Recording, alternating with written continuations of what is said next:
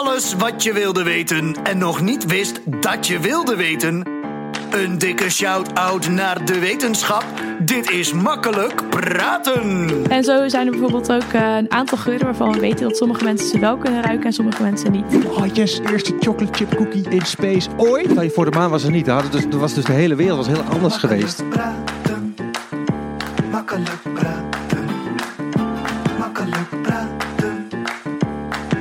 Rechtstreeks vanuit de Universiteit van Wageningen. Dit zijn Sander, Adriaan en. En wie eigenlijk? Met Elbrich Posma, promovendus aan de Wageningen University and Research. En zij doet onderzoek naar de verandering van reuk- en smaakvermogen. Over haar onderzoek, wat zij doet als wetenschapper en een hele hoop andere dingen gaan we het eh, deze aflevering hebben. Elbrich, welkom bij Makkelijk Praten. Dankjewel. Leuk dat je er bent. Ehm, in deze eh, laatste aflevering van het seizoen. Dat is een eh, extra bijzondere aflevering. Ja. Je, je sluit hem, eh, je sluit hem af. Ja, En we zitten ook... ehm, een traantje. Een traantje wel, hè? Ja. Maar we komen terug in september. Dat is, Ja, dat is belangrijk om, eh, voor, iedereen, eh, voor iedereen om te weten. Ehm, maar nu de laatste aflevering. En we zitten ook wel... Het voelt ook wel een beetje als vakantie. Want ik even meteen stappen naar waar we nu zitten. Nou, we zitten wel gewoon buiten. Ja. eh, met onze zonnebril op in de zon. Midden in de bossen van de Utrechtse Heuvelrug. Dat klopt helemaal. Bij eh, eh, het terrein van Scouting Nederland. Ja, dit is een van de kampeerterreinen van Scouting Nederland inderdaad. En eh, Ja. wat, waarom zitten we hier eigenlijk? Ja, dat is een goede vraag. Eh dit is natuurlijk niet waar ik normaal gesproken mijn werk doe. Eh, maar naast mijn werk heb ik ook nog een eh, privéleven. En in mijn, Echt waar? ja, echt waar. Mag dat van- mag zelfs dat van onderzoekers Wageningen? hebben een Ja? privéleven. Eh, en in mijn privéleven ben ik al eh, eh, meer dan tien jaar leiding bij scouting. Ja. Ik geef leiding aan scouts. Dat zijn kinderen van eh 11 tot 15 jaar. Dus deze week zitten we hier in het bos met onze kinderen. eh, kamperen. We hebben zelf een keuken gebouwd. Dus eh, dat is wat ik deze week nu hier doe. Je hebt zelf een keuken gebouwd. Ja. Zo. Hoe dan? Naar de Ikea gegaan. Doe het zelf pakketje gehaald. Ding Alle kinderen schroevendraaier. Ja. Oh, wat leuk. Ja, het is ook echt, het is ook wel fijn dat het echt mooi weer is. Ja. Het is Ja. einde middag. Eh, maar we zitten echt in een prachtig mooie blauwe hemel tussen de hoge bomen in het zand. Af en toe hoor je wat schreeuwende kinderen op de achtergrond. Maar ja, dat eh, hoort er wel een beetje bij natuurlijk. Maar het is een beetje voor de sfeer, hè? Het is vooral Ja. enthousiasme. Ja, daarom. En die, het is een beetje alsof we in een live audience eh, zitten. Ja. ja, en een soort- van mi- middenterrein. En, en het is hier... eh, eh, dit is de, je vertelt net, ehm, voordat we begonnen, Elbrich, dat dit de enige plek is waar op dit moment gewoon een vuurtje gestookt mag worden. Ja, klopt. Ja, de brandweer kijkt altijd heel goed waar het eh, te droog is om vuur te maken. Dus als het te droog is, is het te gevaarlijk. Eh, en dat is in heel Nederland op dit moment zo, behalve hier. Dus we mogen hier vanavond wel lekker een kampvuurtje maken. Wat relaxed. Want er zit ook, daar zit ook een vuur. eh, klopt dat of niet? Ja, we, we klopt. kijken Eh, uit hier op een- achter ons eh, zit een vuurplek. Oh ja. Er zit al één, één takje op. Ja. Moet denk ik nog Ga je ook-. Start van Ga je het ook vuur. met rooksignalen, zeg maar, van die eh, boodschappen erin doen van haha, wij lekker wel, jullie lekker niet? Ja, naar de andere groepen verderop. nou, hebben we nog niet gedaan, maar misschien kan ik dat voorstellen voor vanavond. Zo ben ik dan weer, hè? Ehm, Elbrich, Ja. we hadden het net even over. eh, jij doet onderzoek naar de veranderingen van reuk- en smaakvermogen. Even in twee zinnen, in, eh, in, eh, zodat, ja, zodat de mensen van de scouting, je kinderen van de scouting Ja. die jij begeleidt, het ook begrijpen. Wat Ja. doe je dan? Ja, dat eh, Oké, dus waar ik onderzoek naar doe is eh reuk- en smaakvermogen. Of eigenlijk mensen die niet meer kunnen ruiken. Ehm, dus dat kunnen mensen zijn die niet meer kunnen ruiken door allerlei verschillende oorzaken. Dus soms verkoudheid, soms een griep, een ongeluk. Maar bijvoorbeeld ook mensen die chemotherapie krijgen als behandeling. En we kijken bij die mensen wat er verandert in hun hersenen op het moment dat ze niets meer kunnen ruiken. Eh, en we kijken wat voor effect dat heeft op wat ze lekker vinden om te eten. Oké, want, je, je, de, want dat, daar ben ik wel benieuwd naar. We gaan de, de geur, is, dat, is, toch, is dat, dat is toch belangrijker dan je smaak, of niet? Of is dat niet zo? Nou, geur en smaak werken samen. Ehm, als je kijkt naar wat je uiteindelijk proeft in je mond, dan is geur daar wel een van de grootste componenten van.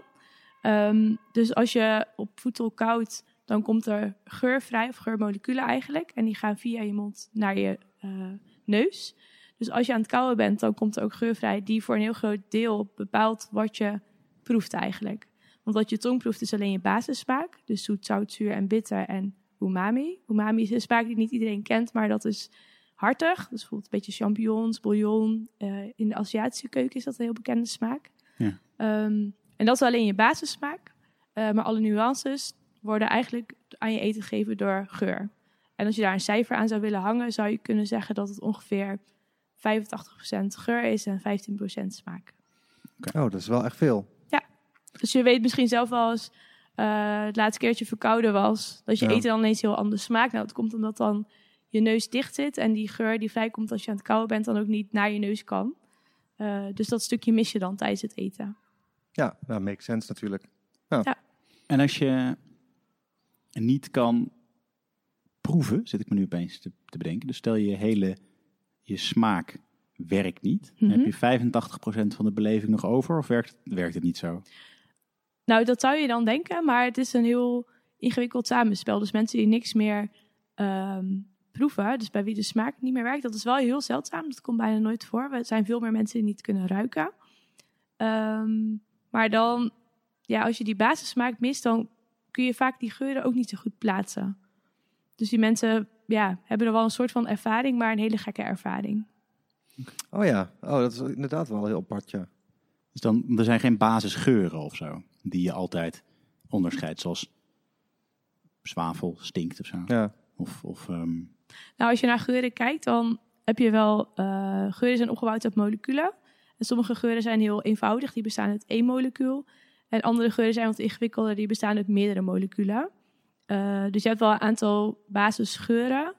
Ehm, maar om nou te zeggen dat je dezelfde soort basisgeuren hebt als je dat ook voor smaak hebt, dat is eigenlijk niet zo. ah, oké. Ehm, Hoeveel, hoeveel eh, geuren kunnen wij onderscheiden? Ehm, ja, dat is wel grappig dat je dat vraagt, want daar is best wel veel onderzoek naar gedaan. Er was altijd zo'n soort mythe van, oh, mensen kunnen helemaal niet zo goed ruiken. En dat werd dan vaak vergeleken bijvoorbeeld met honden, die, Ja. waarvan ze altijd zeggen, oh, die hebben een supergoeie neus. Eh, maar het blijkt dat mensen toch echt al superveel geuren kunnen onderscheiden. Eh, wat ze nu denken is dat mensen meer dan 1 biljoen geuren van elkaar kunnen onderscheiden. 1 biljoen. Ja. Oh, oh. oké. best wel veel. En, hond- en honden dan, waarvan we altijd dachten dat het een soort van superreukwezens Ja, waren. Ja, honden kunnen ook heel veel geuren onderscheiden. Maar wat honden anders maakt dan mensen, is dat zij een veel gevoeligere neus hebben. Dus iets wat wij niet ruiken, ruiken honden wel bijvoorbeeld.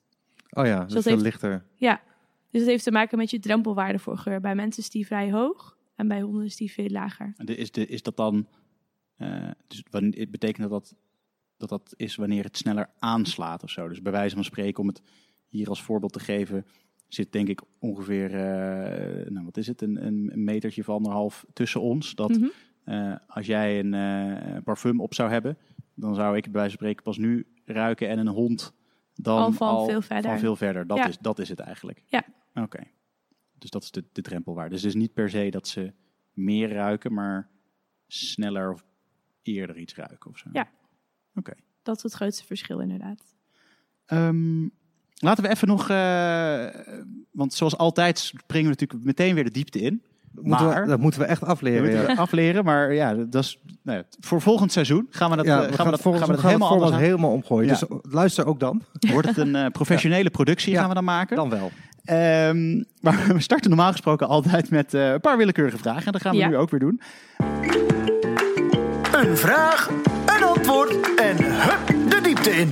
Ehm, als je het antwoord niet weet, maakt het natuurlijk niet uit. Want het eh, gaat eh, alle kanten op. Maar het heeft meestal wel een beetje eh, raakvlakken met jouw onderzoek. Mhm. Ben je er klaar voor? Zeker, kom maar op. Aad? Ja, ik heb een vraag. Eh, hebben je tanden ook een smaak of filteren we die er inmiddels uit? Ehm, ja, dat is een goede vraag. Ik denk Oh. dat je glazuur, ja, eerlijk gezegd, eh, geen smaak heeft. Je proeft natuurlijk wel als je heel lang je tanden niet gepoetst hebt. Dan krijg je een beetje vieze Ja. smaak in je mond. Ja. Eh, maar dat is meer wat zeg maar een beetje op je tong blijft plakken allemaal. Minder je tanden. Ah, oké. Is het ook zo dat als je iets proeft, dat je het dan automatisch consumeert? Dat je dan bijvoorbeeld een molecuul wegneemt of zo? Want dan kan het dus bij, want dan zou het dus betekenen dat als je je tanden alles zou proeven, dat ze langzaam zouden afsluiten door het feit dat je ze een soort van proeft dan toch? De glazuur, ja. Je glazuur afslijt. Nee, dat Ja. is niet zo. Nee, oké. Nee. Dan denk ik ook eerder Je door je, je speeksel. Ja, want Nog, ja, nog meer effect dan je... Tenzij je... Ja, ja, je- ja, bijvoorbeeld je gehemelte, heeft je gehemelte een smaak? Ehm, Ik zie Sander dat- nu zo. Ja, Nee, even Oh ja, proberen. nou, chill. ja, Oh. Gratis lolly. ja. Nou, dat, ja, dat weet ik eigenlijk niet. Citroensorbet. Heerlijk. Misschien als je, ja, zou je eens moeten proberen, moet je bij iemand anders gehemelte een keer kijken of Proeven. dat een smaak heeft. Ja. Aad, lik even aan mijn gehemelte. Ja. Ja, maar dan, heb je Misschien toch, komen maar we dan er kan het dan toch ook weer zo, dat het bijvoorbeeld speeksel, dat je speekselverschillen hebt die je dan opvalt. Zou ook kunnen, ja. Ja, Ja, en- iedereen heeft weer ander speeksel inderdaad. En het is natuurlijk ook de, ehm, eh, niet alleen dat de smaak, maar ook je, je gehemeld, als je aan je gehemelte likt, wat ik nu aan het doen ben, ja, dat, is natuurlijk, dat voelt natuurlijk heel anders aan dan als ik, als ik aan een ijsje lik. Ik vind dat Ja. zo relaxed dat als we dit soort dingen, dit soort vragen stellen, dat we altijd één antwoord krijgen. En dan gaan we zelf helemaal, tien extra vragen ja, dan gaan we helemaal door met fantaseren en dan hebben we gewoon ons eigen moment. En dan zitten mensen die wat, wat- ik heb toch Ja. gezegd nee, wat zijn jullie nu aan het doen?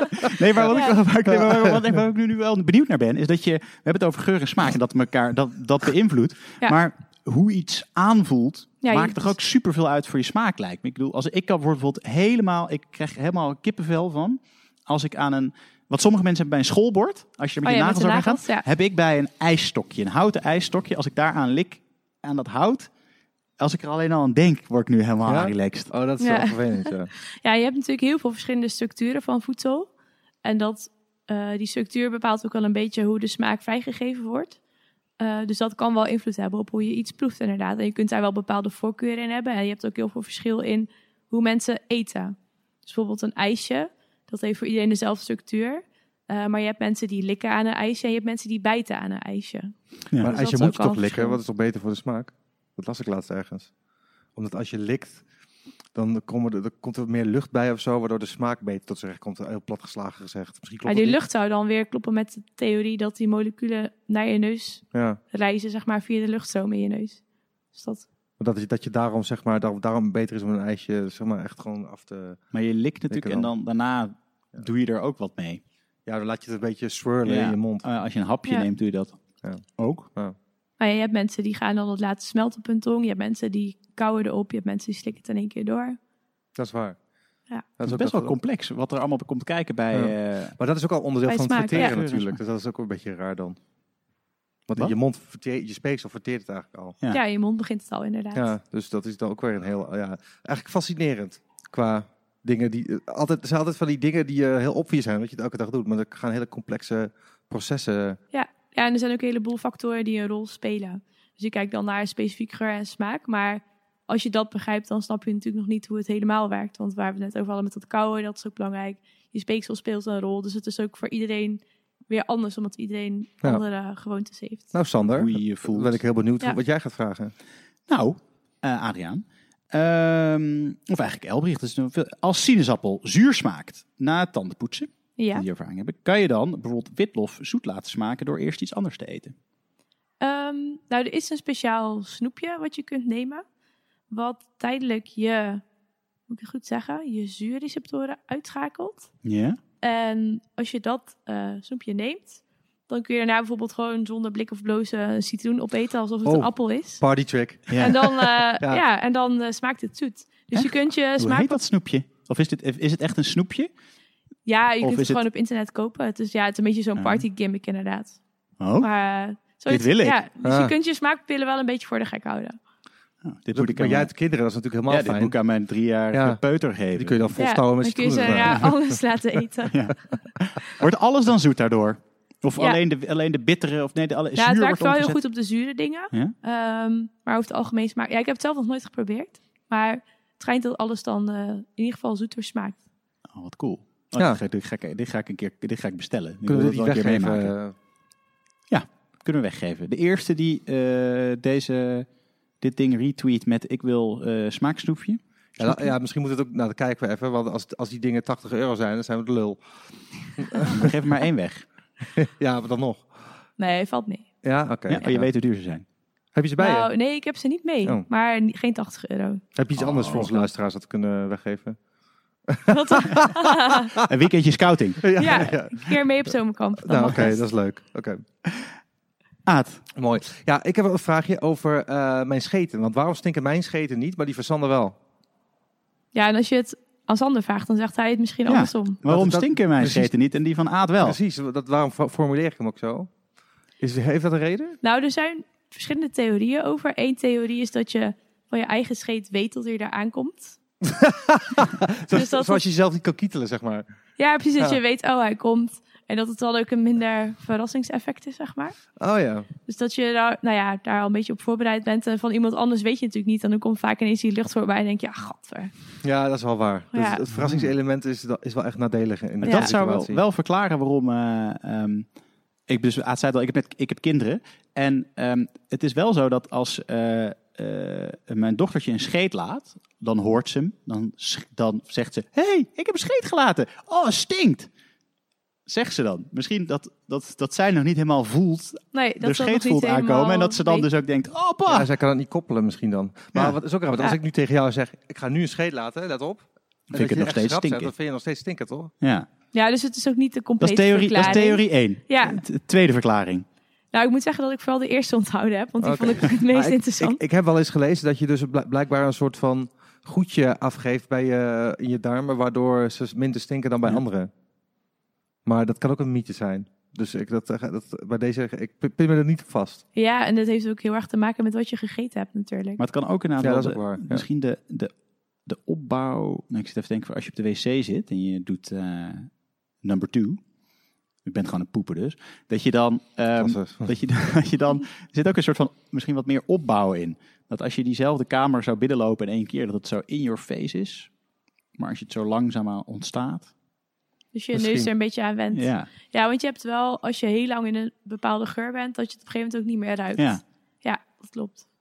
Ja, maar dat vind ik dan toch wat. Ja, nee, laten we maar verder gaan. Voordat we hier te veel over doorgaan. Maar het is een leuk onderwerp. Ehm, Sander, heb jij nog Als een Oh, ja, als je een supertaster bent... Ja, Kan wat je, is een supertaster? Dat is iemand die supergoed kan proeven.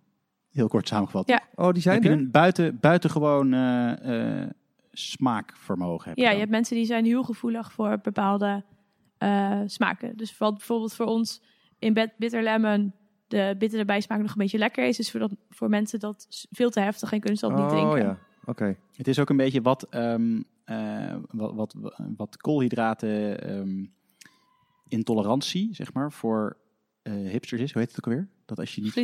Ja, het is een beetje wat... Koolhydratenintolerantie. Ja, als je- Top dat, wat je, shit. dit is wel, nee, wat- Ja. Het is ook voor als weet je, hipsters die zeggen dan allemaal altijd tegenwoordig...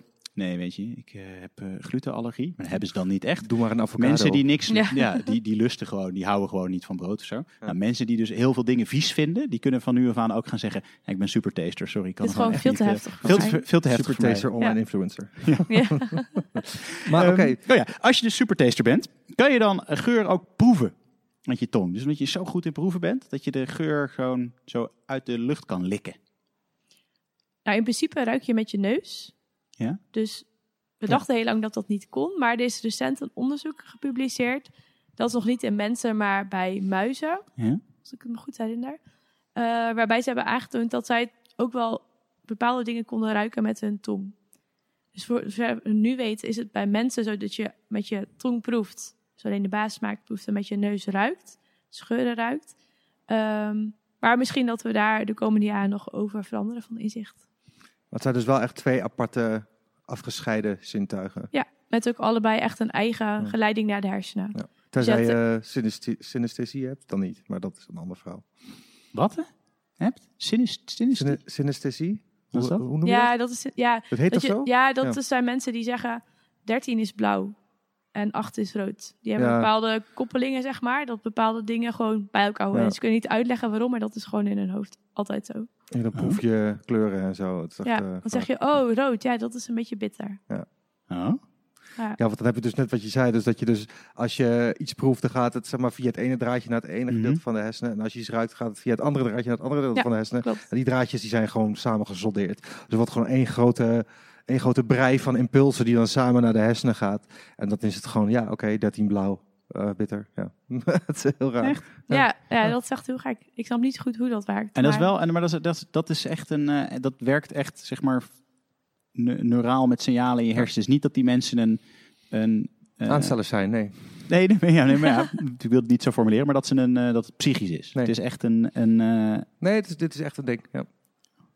oh, Ja, dat is een Wist ik aparte- helemaal niet, joh. Ja, dat is, eh, dat is heel wat. Ja. Die, heb je soms. lachen. Makkelijk praten. Daarvoor zijn we hier natuurlijk nu niet. We zijn hier nu om eh, het te hebben over jouw onderzoek. Ja. Ehm, want eh, ja, wat onderzoek jij? Jij, hebt- jij onderzoekt dus wat er gebeurt als je bijvoorbeeld je geur kwijtraakt, wat er dan in Ja. de hersenen gebeurt. Dus wat we doen is dat we mensen in de MRI-scanner stoppen. Ja? Dus de MRI-scanner eh, kun je gebruiken om de hersenen van mensen af te beelden. Eh, en dan doen we verschillende dingen. Dus we kijken bijvoorbeeld naar de anatomie van de hersenen. Dus hoe zitten de hersenen in elkaar? Zien we verschillen tussen mensen die wel of niet kunnen ruiken? Of zien we verschillen tussen mensen die verschillende oorzaken van reukverlies hebben?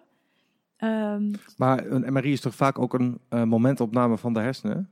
Eh, dien je ze dan nog iets toe terwijl ze in de MRI zitten? Of is het gewoon een algemene, zeg maar, bottom state van de hersenen die je dan bekijkt? er zijn twee verschillende dingen die je kunt doen. Dus anatomie is gewoon plaatjes maken.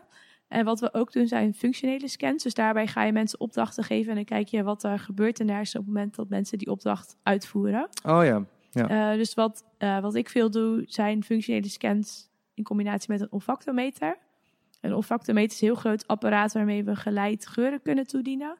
Ze weten dan precies, oké, op moment X kreeg deze persoon deze geur in zijn of haar neus. En dan kunnen we later heel goed terugkijken van, oké, wat gebeurde er op moment X in de hersenen. Oh ja. Eh, dus dan vragen we mensen van, nou, ga in de scanner liggen. Dan moeten ze naar een scherm kijken waarop ze elke keer zien wat ze moeten doen. Eh, en dan komt er een rood kruisje. Dan weten we, oké, nu moet ik inademen, want nu komt er een geur. Soms zijn mensen een beetje gefrustreerd, want die komen erbij om te zeggen, ja, eh, ik ruik niks. Je legt me een half uur in de scanner, ik moet de hele tijd ruiken, maar Ja. ik ruik niks. Nou, zeggen we, gaan toch kijken wat in je hersenen gebeurt. Ehm, en wat we dan kunnen zien is of de hersenen nog reageren op die geur, ondanks dat mensen zelf bewust niks waarnemen. En is dat zo? Nou, ik heb ehm, nu één dataset helemaal geanalyseerd. En daar kwam uit dat mensen die hun reuk verloren waren naar een virale infectie. Dus het kan Mhm. bijvoorbeeld een verkoudheid zijn of een griep. ehm, dat er wel nog activiteit in de hersenen was, ondanks dat mensen niks meer roken. Oké. Dus, dat- Ehm. dus dan is het dus, eh, eh, zo dat er dus wel op een of andere manier, ja, wat is het, receptoren of zo worden aangejengeld. Maar dan het, het, Ja. het draadje gaat wel naar de hersenen, maar niet naar de ervaring. Nee, het maar. komt nog niet weer terug. Dus Ja, de hersenen eh, registreren wel, hey, er komt ergens een geur binnen. Maar mensen kunnen die nog niet ruiken. En wat we vaak ook doen is een reuktest, waarbij we een soort score kunnen geven aan het reukvermogen. En wat we zagen is dat mensen, als ze een betere score hadden op die test, dat die activiteit ook hoger was. Dus dan zie je wel dat het wel met elkaar samenhangt. Ja, Dus als je Mhm. een hogere score hebt, is je activiteit ook hoger. Maar we zagen ook dat mensen die heel laag scoorden op die test, dus waarvan we eigenlijk zeiden, nou, jij ruikt inderdaad echt helemaal niks, dat er wel nog steeds activiteit over was. oké. En hoe verklaar je die eh, activiteit dan? Wat, wat, zegt, of wat zegt ons dat überhaupt? Wat Nou, leren we ervan? Wat we dan weten is dus dat de hersenen nog wel steeds reageren op die geur. Dus dat, er, eh, dat het wel in ieder geval nog aankomt. Dus dan weten we, oké, die route is nog intact. Eh, Ja. En wat we dan doen, ik werk eh, ook deels in het ziekenhuis samen met KNO-artsen. En dan kijken van, oké, kunnen we nou mensen weer bewust maken van die geur? Dus wat we bijvoorbeeld wel eens gebruiken is reuktraining. Daarbij gaan mensen dan heel actief hun neus trainen. Net een beetje als fysiotherapie bijvoorbeeld. Als je enkelblessure hebt, ga je je enkel trainen. Nou, je kunt je neus ook trainen als je je reuk verloren bent. Eh, en dan kunnen we misschien ervoor zorgen dat die activiteit die er wel in je hersenen is, ook weer een bewuste waarneming wordt. Maar hoe train je je neus dan? Ehm, daarvoor hebben we verschillende geuren en die krijgen mensen dan mee naar huis. En dan moeten ze gewoon elke dag eh aanruiken. Krijg je Eigenlijk is het heel simpel. gewoon in, inademen? Ja, Gewoon Met de neus potje- boven gaan hangen, potje open. En Maar dan Ja. ook echt heel bewust proberen te zijn van wat je Ja. eh, ruikt. Ja, dus echt gaan zitten, even de tijd voor Ja. nemen, twee keer per dag. Eh, en het echt lang volhouden. En werkt dat? Nou, er zijn mensen die, eh, die houden het echt wel een half jaar of negen maanden vol. Eh, en daar zie je dat de reuk eh, weer terugkomt. Bij sommige mensen volledig, bij sommige mensen wel iets minder dan dat het was, maar nog steeds wel. Dat ze zeggen, nou, het is echt beter dan dat het was toen ik niet kon ruiken.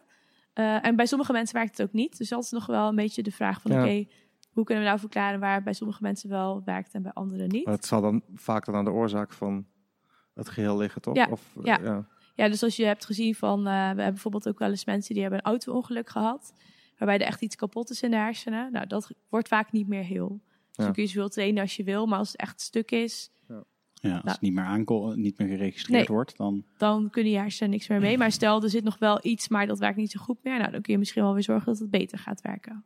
Oké. En, maar betekent dat dan, als ik er zo over nadenk, dat als je, dus stel je verliest je reuk, om wat voor reden dan ook, en het wordt nog wel geregistreerd, Mhm. en je moet er weer bewust van worden, dat dan eigenlijk het vermogen, is dat dan een neurale aandoening, of is het dan eigenlijk psychisch dat je niet meer ruikt, door hoe dan ook? Want omdat je toch wel weer kan er gebeurt nog van alles. Ja, maar als je het kan trainen, dat betekent niet dat het psychisch is, toch? Nee. Dat betekent ook dat het, dat, het, dat het neurale gedeelte kan worden getraind, denk ik. Oh, maar dan begrijp Ja. ik het denk ik gewoon nog steeds niet goed genoeg. Want er Ja, het is gaat wel echt namelijk een iets, fysieke klacht. er gaat iets in je. Oké, er, Ja. gaat, er gaat een, er gaat een, een, een geurwalmpje gaat je neus Mhm, in. Die, die ja. gaat dan door mijn. Die komt dan. gaan er receptoren gaan aan. En Ja. dan gebeurt er iets in de hersenen. En, de hersen, en jij kan zien, hersenen zeggen.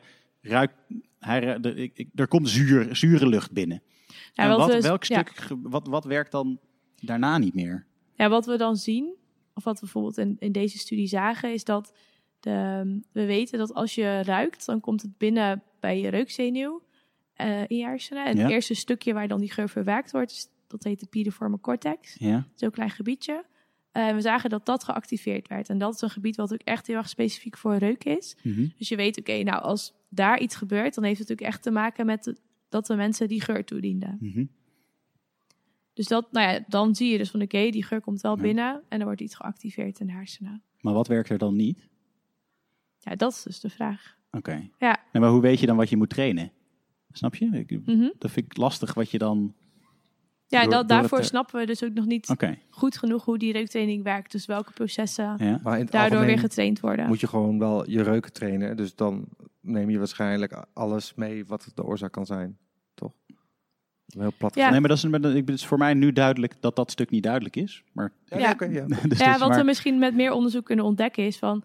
Oké, je traint bijvoorbeeld heel specifiek dit stukje. En dat is waar het bij sommige mensen wel werkt en bij andere mensen niet. Ja. Want dit stukje wordt heel specifiek aangedaan bij mensen die om deze reden hun reuk verloren zijn bijvoorbeeld.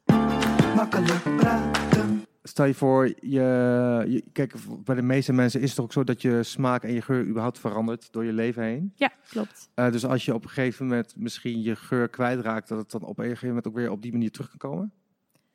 Ehm, ja, dat kan. We zien ook wel dat mensen soms hun geur ja, vanzelf weer terugkrijgen. Oh, dat is, dat is winnen. Ja, nou, wat je soms ook ziet, eh, is dat mensen eh, een auto-ongeluk hebben gehad, dat er geen beschadiging in de hersenen is, maar ergens in de neus iets kapot is. Mhm. In de zenuwen en dat die op een gegeven moment wel weer gaan aangroeien. Zenuwen kunnen wel herstellen, maar heel langzaam. Ehm, en dat het weer aangroeit, maar niet op de goede manier. Dus dat de oude connecties niet hersteld worden, maar dat het zeg maar scheef groeit Ja. of verkeerd vastklikt, zeg Ja. maar. Eh, en dan krijg je wat we eh parosmie noemen. Dus dan gaan mensen geuren helemaal vervormd ruiken. Dus dan ruikt ze bijvoorbeeld aan een kopje koffie en dan ruikt het naar azijn. Oh. Uh, of dan Oh, ruikt ze een hele gekke geur. Ja, dus er zijn ook wel mensen die zeggen... nou, hier kan ik echt helemaal niks mee. Als het dit is, dan ruik ik liever helemaal niks. Want hier word ik helemaal gek van. Ja, dat snap ik wel, ja. Ja. Dat Is- is vervelend. En, dat kan, Ja. en dat kan, als dat, omdat het in je neus zit, dat kan je niet weer recht trainen, zeg maar. Die verbinding is dan zo tot stand gekomen? Of kan, kan je dat ook toch wel weer herstellen nee, dat, dat kun je misschien nog wel trainen, inderdaad. Maar dat, ja, dat, dat is het lastige met zenuwen. Die herstellen heel langzaam. Dus bijvoorbeeld eh, als je een wondje op je vinger hebt... nou, dat zie je bij wijze van spreken bijna Ja. dichtgroeien. Maar zenuwen, dat kan echt maanden of jaren duren. En, als je, oh, en is, dit, is dat dan ook, ik zit opeens te denken hoor, dat is natuurlijk vaak eh, niet naar een ongeluk. Maar je hebt bij koriander, heb je voor bijvoorbeeld een soort van de helft van de mensen vindt dat het naar zeepsop smaakt. Ja. En de andere helft van de mensen vindt het gewoon naar koriander smaken. Of ik zeg dan gewoon naar koriander, omdat ik zelf Ja. koriander wel lekker vind. Maar vind Ja. het niet Ja, naar ik, heb zeepsop de, ik smaken. vind de zeepsop, ja. Ja, en dat is echt een genetische variant. Oh, dat is Dus als je dat hebt, daar kun je ook echt niks aan veranderen. Oké. Nee. Oh, dat is, oh, ah, Ja. Hoe kan dat? Dat vind ik zo Ja. bizar. En zo zijn er bijvoorbeeld ook eh, een aantal geuren waarvan we weten dat sommige mensen ze wel kunnen ruiken en sommige mensen niet. en Oh, daar kun je niks aan veranderen. Dat is gewoon een, een bepaald gen wat je wel of niet hebt. Is dat hetzelfde gen als het koriandergen? Nee, dat is een ander gen. Maar welke, Ja. welke zijn dat dan?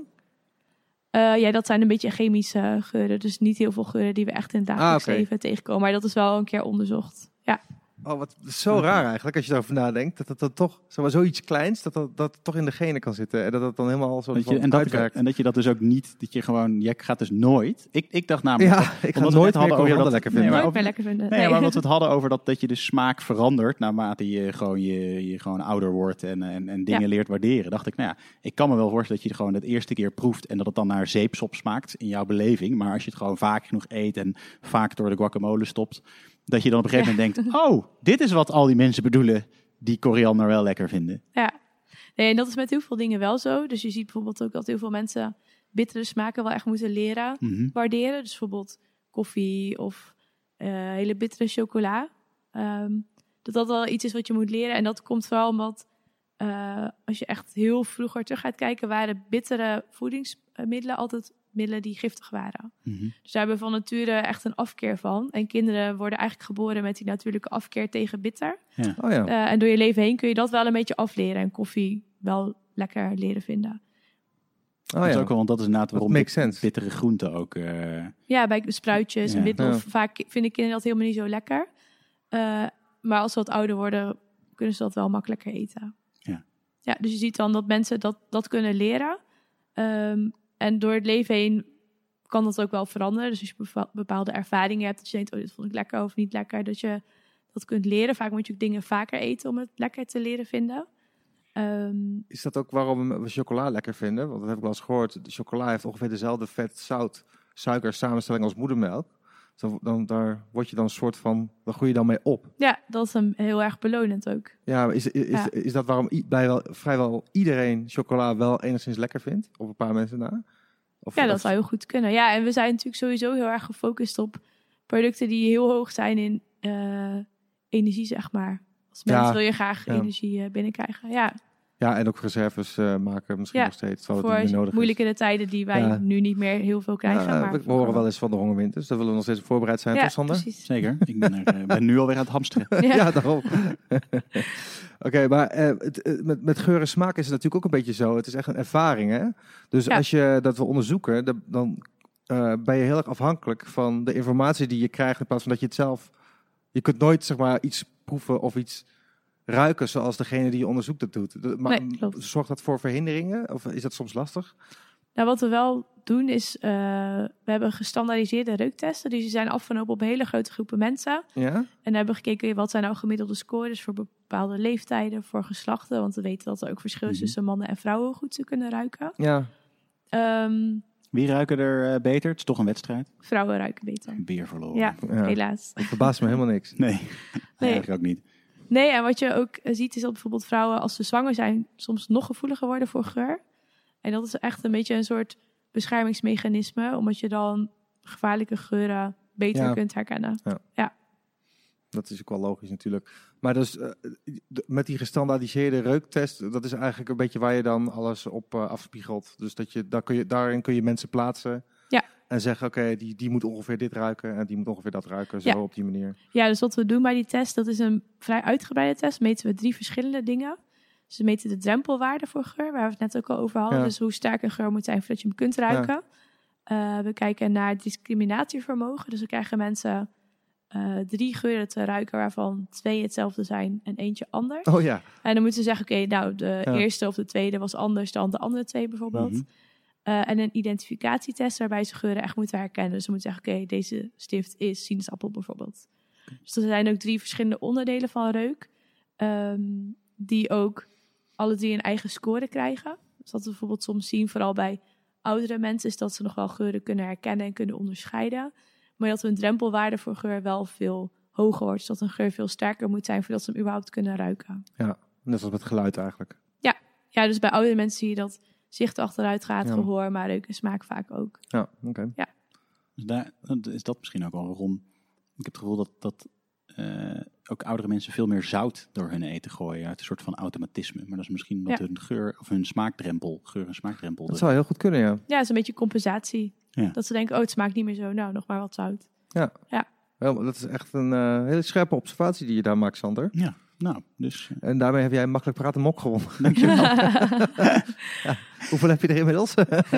Ze zijn ook, de- niemand heeft er één gekregen Ja. behalve, behalve ik. Hey, we hadden het net even over dat ehm, de manier waarop je ehm, eh, proeft, hè, dus of je het inderdaad Mhm. aan een ijsje likt of eraan bijt of het in één keer doorslikt, zeg maar, dat dat heel veel uitmaakt. Maar is het, ehm, eh, zijn natuurlijk ook nog andere dingen, weet je, bijvoorbeeld of je het pakt of hoe het eruit ziet, zeg maar. Wat is Ja. daarvan de invloed, zeg maar, hoe aantrekkelijk iets gepresenteerd wordt of hoe vies iets wordt neergelegd? ja, dat is eh, best wel heel erg groot. Dus wat we bijvoorbeeld vaak ook- adviseren aan mensen die niet meer kunnen ruiken. Die zeggen, nou, ik vind eten allemaal niet, niet meer zo lekker. Oké, we zorgen dan voor dat het in ieder geval aantrekkelijk uitziet. Want als het er niet lekker uitziet, dan ga je het ook niet eten. Of dan krijg je in ieder geval geen, geen trek om te eten. ja. Eh, dus als iets er lekker uitziet, dan ga je het eerder eten dan wanneer je denkt, nou, ik weet niet precies wat het is, eh laat maar. Ja, ik las hier laatst nog een onderzoek over. Dat ze dus eh, iemand- mensen dan sinaasappelsap gaven en dan vervolgens ook sinaasappelsap met een kakkerlak erin. Maar die kakkerlak Oh, ja. die deed niks voor de smaak verder. Die, die smaak was exact Ja. hetzelfde. En iedereen vond die andere smeriger. Met die kakkerlak Ja, erin. en, en Zo uit- logisch, Ja, en uiterlijk ook- doet zoveel. ja. Ze hebben ook een keer Ja. een studie gedaan met eh, eh, wijnexperts. Dus echt mensen die eh, helemaal bekend waren dat ze zo Ja. goed wijn konden proeven. En die hadden ze eh, witte wijn gegeven met rode kleurstof erin. Dus het leek rode wijn. En dan gingen ze die rode wijn ook echt omschrijven met kenmerken. Of de wijn die ze gingen proeven, die dus eigenlijk witte wijn was. gingen ze omschrijven met kenmerken die passen Ja, bij ja. rode wijn. Dus Ja. Oh, het is, eh, nou ja, ik ben niet per se een wijnkenner, maar houtachtig. Of Ja, nou, allemaal precies. dingen die normaal gesproken heel erg bij rode wijn horen. Dezelfde mensen die daar echt voor getraind waren om wijnen te kunnen onderscheiden, kon je voor de gek houden door gewoon kleurstof toe te Maar voegen. kan het dan niet zo zijn dat als jij mensen voor zo'n standaardiseertest zet, dat zij dan ook op een of andere manier nog worden beïnvloed op, door andere dingen, waardoor ze toch dingen anders duiden? Dat zou dan wel kunnen, toch? Ja, wat we altijd doen om dat te voorkomen is dat ze in ieder geval bij de drempelwaarden en bij de eh, discriminatietest een blinddoek omkrijgen. Ah, kijk, ja, dat is wel Dus dat ze eh, niet mooi. afgeleid worden door Ja, dingen ja. die ze zien of Ja, die ja, voorbij komen. wat slim ja. zeg. Oké. Ja. Bij de identificatietest kan dat niet, want dan moeten ze krijgt een kaartje met vier woorden of omschrijvingen, daar moeten ze uit kiezen. Ehm, maar goed, we zorgen altijd wel dat we een rustige ruimte hebben waar ze niet afgeleid worden. Is wel grappig dat dat zo werkt. Ik ben, je hebt, ze- in Amsterdam heb je zo'n restaurant waar je in het donker Ja, daar heb kan ik Ja, dining geweest, ja. Ja, heb je dat ook? Ja. Ja. Ja. Daar, daar heb je dat. Inderdaad, het werkt ook wel, wel echt een beetje zo. Ik had wel er meer van verwacht of zo. Maar misschien is het ook een beetje voorbereid bent van... ze gaan me misschien soms bij sommige gerechten ook een beetje Ja. in de maling nemen... waardoor je alerter bent of zo. Ja, ja, ja. Dat- ja, ik vond het ook Ja. heel erg eh, lastig. Ik, ik, soms wist ik ook echt niet wat ik aan het eten was. Ik was ook echt verbaasd toen ik daarna het menu las. Dat is echt zo raar, want ergens, dat weet, weet ik ook echt niet, vond ik het nou lekker? Ja, eigenlijk wel, maar ja, Ja. ik weet eigenlijk niet wat het was. Dus ja, was het dan Ja. lekker? Heel Ja. raar, ja. Ja, en dat komt ook omdat wij in onze cultuur heel erg gefocust zijn op, op eh, visie, zeg maar. Dus, dus dingen zien. Ja, ja dat, dat Ehm, merk je dan wel, ja. Want eh, onderzoekers uit Nijmegen die eh, doen onderzoek naar woorden of taal die gerelateerd is aan geur. Ehm, er zit een speciale vakgroep. En zij hebben ook onderzocht dat bijvoorbeeld in andere culturen dan westerse culturen vaak veel mooie woorden zijn voor geur dan wij woorden hebben voor geur.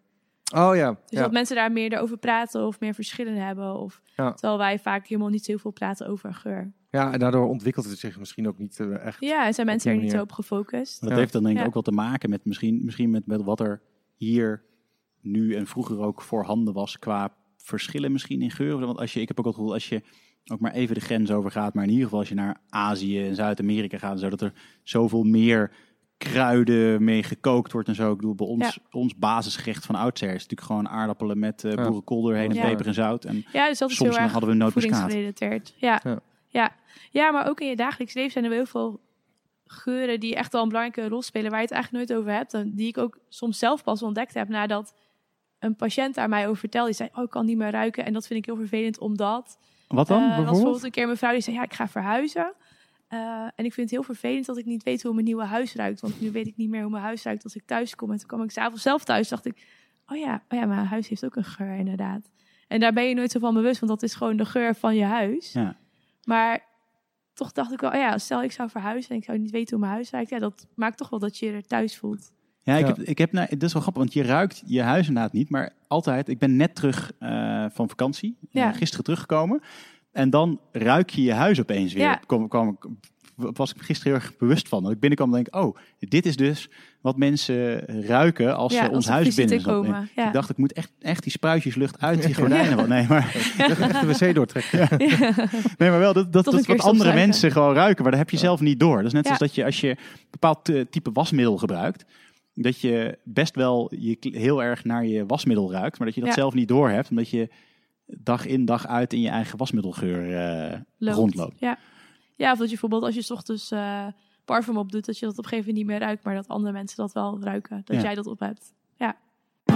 Makkelijk praten. Hey, is er, we- weet je dat, want eh, omdat dat je zegt net dat ehm, eh, het zo'n belangrijke rol speelt, ook hoe het eruit ziet. Zijn er ook, eh, wordt er ook onderzoek gedaan naar wat bijvoorbeeld bepaalde vormen of manieren van presenteren zijn waarvan je zeker weet dat mensen het lekkerder vinden? Ik kan me bijvoorbeeld voorstellen dat, ik weet niet wat, ik noem wat, stel je voor je doet bietjes altijd in driehoekjes, om even een extreem voorbeeld te geven. Dus Ja. dingen die in driehoekjes worden gepresenteerd zijn altijd, Nou, ik denk Aantrekkelijker wel, als je, dan als je, ronde dingen of zoete andersom. aardappels presenteert als friet, dat het wel, eh, dat Wel mensen dan e- e- chiller vinden. Ja.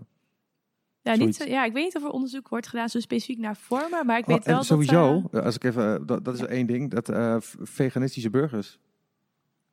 als die eruit zien als vlees, dan vind je ze lekkerder. Ja, dat, die, omdat ze eruit zien als vlees. eh, weet je, mensen hebben toch die behoefte om een burger te eten. Ook al is het niet van vlees, maar meer de ervaring en de vorm en de her- herkenning. Daarom worden altijd die dingen, zeg maar, die, die, die vegetarisch zijn, worden nog eh, gepresenteerd in hoe vroeger vlees werd gepresenteerd. En nu nog steeds, maar dat wil ik ja, zeggen. maakt ja. het voor mensen ook makkelijker om het te eten, denk ik. Want dan denk je, Ja. van, ja, het lijkt op een hamburger, Ja. dus dan kan ik het ook eten ja, het als is ook een regulierder. Ja, ja precies. Ja. Oké, maar sorry. Ja. verder. Nee, ja, echt zo specifiek vormen, wat je zegt met driehoekjes of zo, dat, dat weet ik niet. Maar er is wel een onderzoeker in Engeland, die, die heet ehm, Charles Spence. En die doet echt onderzoek naar gastrofysica. Ja. Dus die kijkt echt naar van, oké, hoe kun je nou eten presenteren op een manier dat het aantrekkelijk is. Dus hij heeft bijvoorbeeld ook een hele restaurantsetting waarbij hij dan bijvoorbeeld ehm, voedsel uit de zee gaat presenteren met ook echt geluid van de zee op de achtergrond en borden in Ja. de vorm van een schelp en dat soort dingen. Dus ja, die hele ervaring eromheen, dus niet per se alleen de vorm, maar ook hoe het gepresenteerd wordt, dat kan wel heel erg uitmaken voor je hoe En dat, en dat je werkt ook voor uiteindelijk hem. iets vindt smaken. Dat werkt ook bij hem. Dat is ook echt een goed eh, concept. En mensen Ja. vinden het daardoor ook lekkerder. Ja.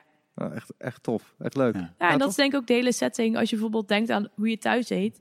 Als jij thuis eh, je prakje op je bord hebt en op de bank voor de tv gaat zitten. Dan, en je een beetje gedachteloos naar binnen lepelt. Dan smaakt hetzelfde eten waarschijnlijk heel anders. Wanneer je het op een mooi bord doet en aan tafel gaat Ja, zitten. waar. Ja. Lekker glaasje wijn erbij neemt.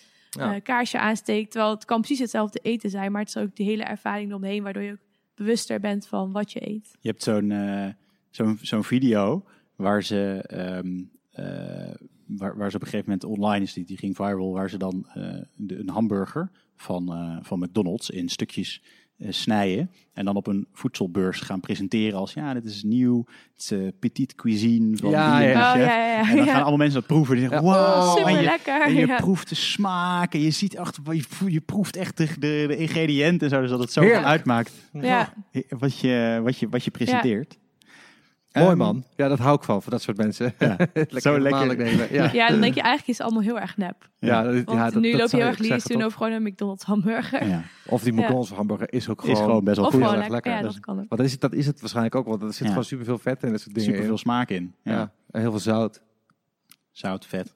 Altijd Ja. goed. Er is ook een keer zo'n proefje gedaan met de McDonald's hamburger. Die had iemand in zijn bureau gelegd. En die haalde hem drie maanden later er weer uit. En het zag er nog precies hetzelfde uit.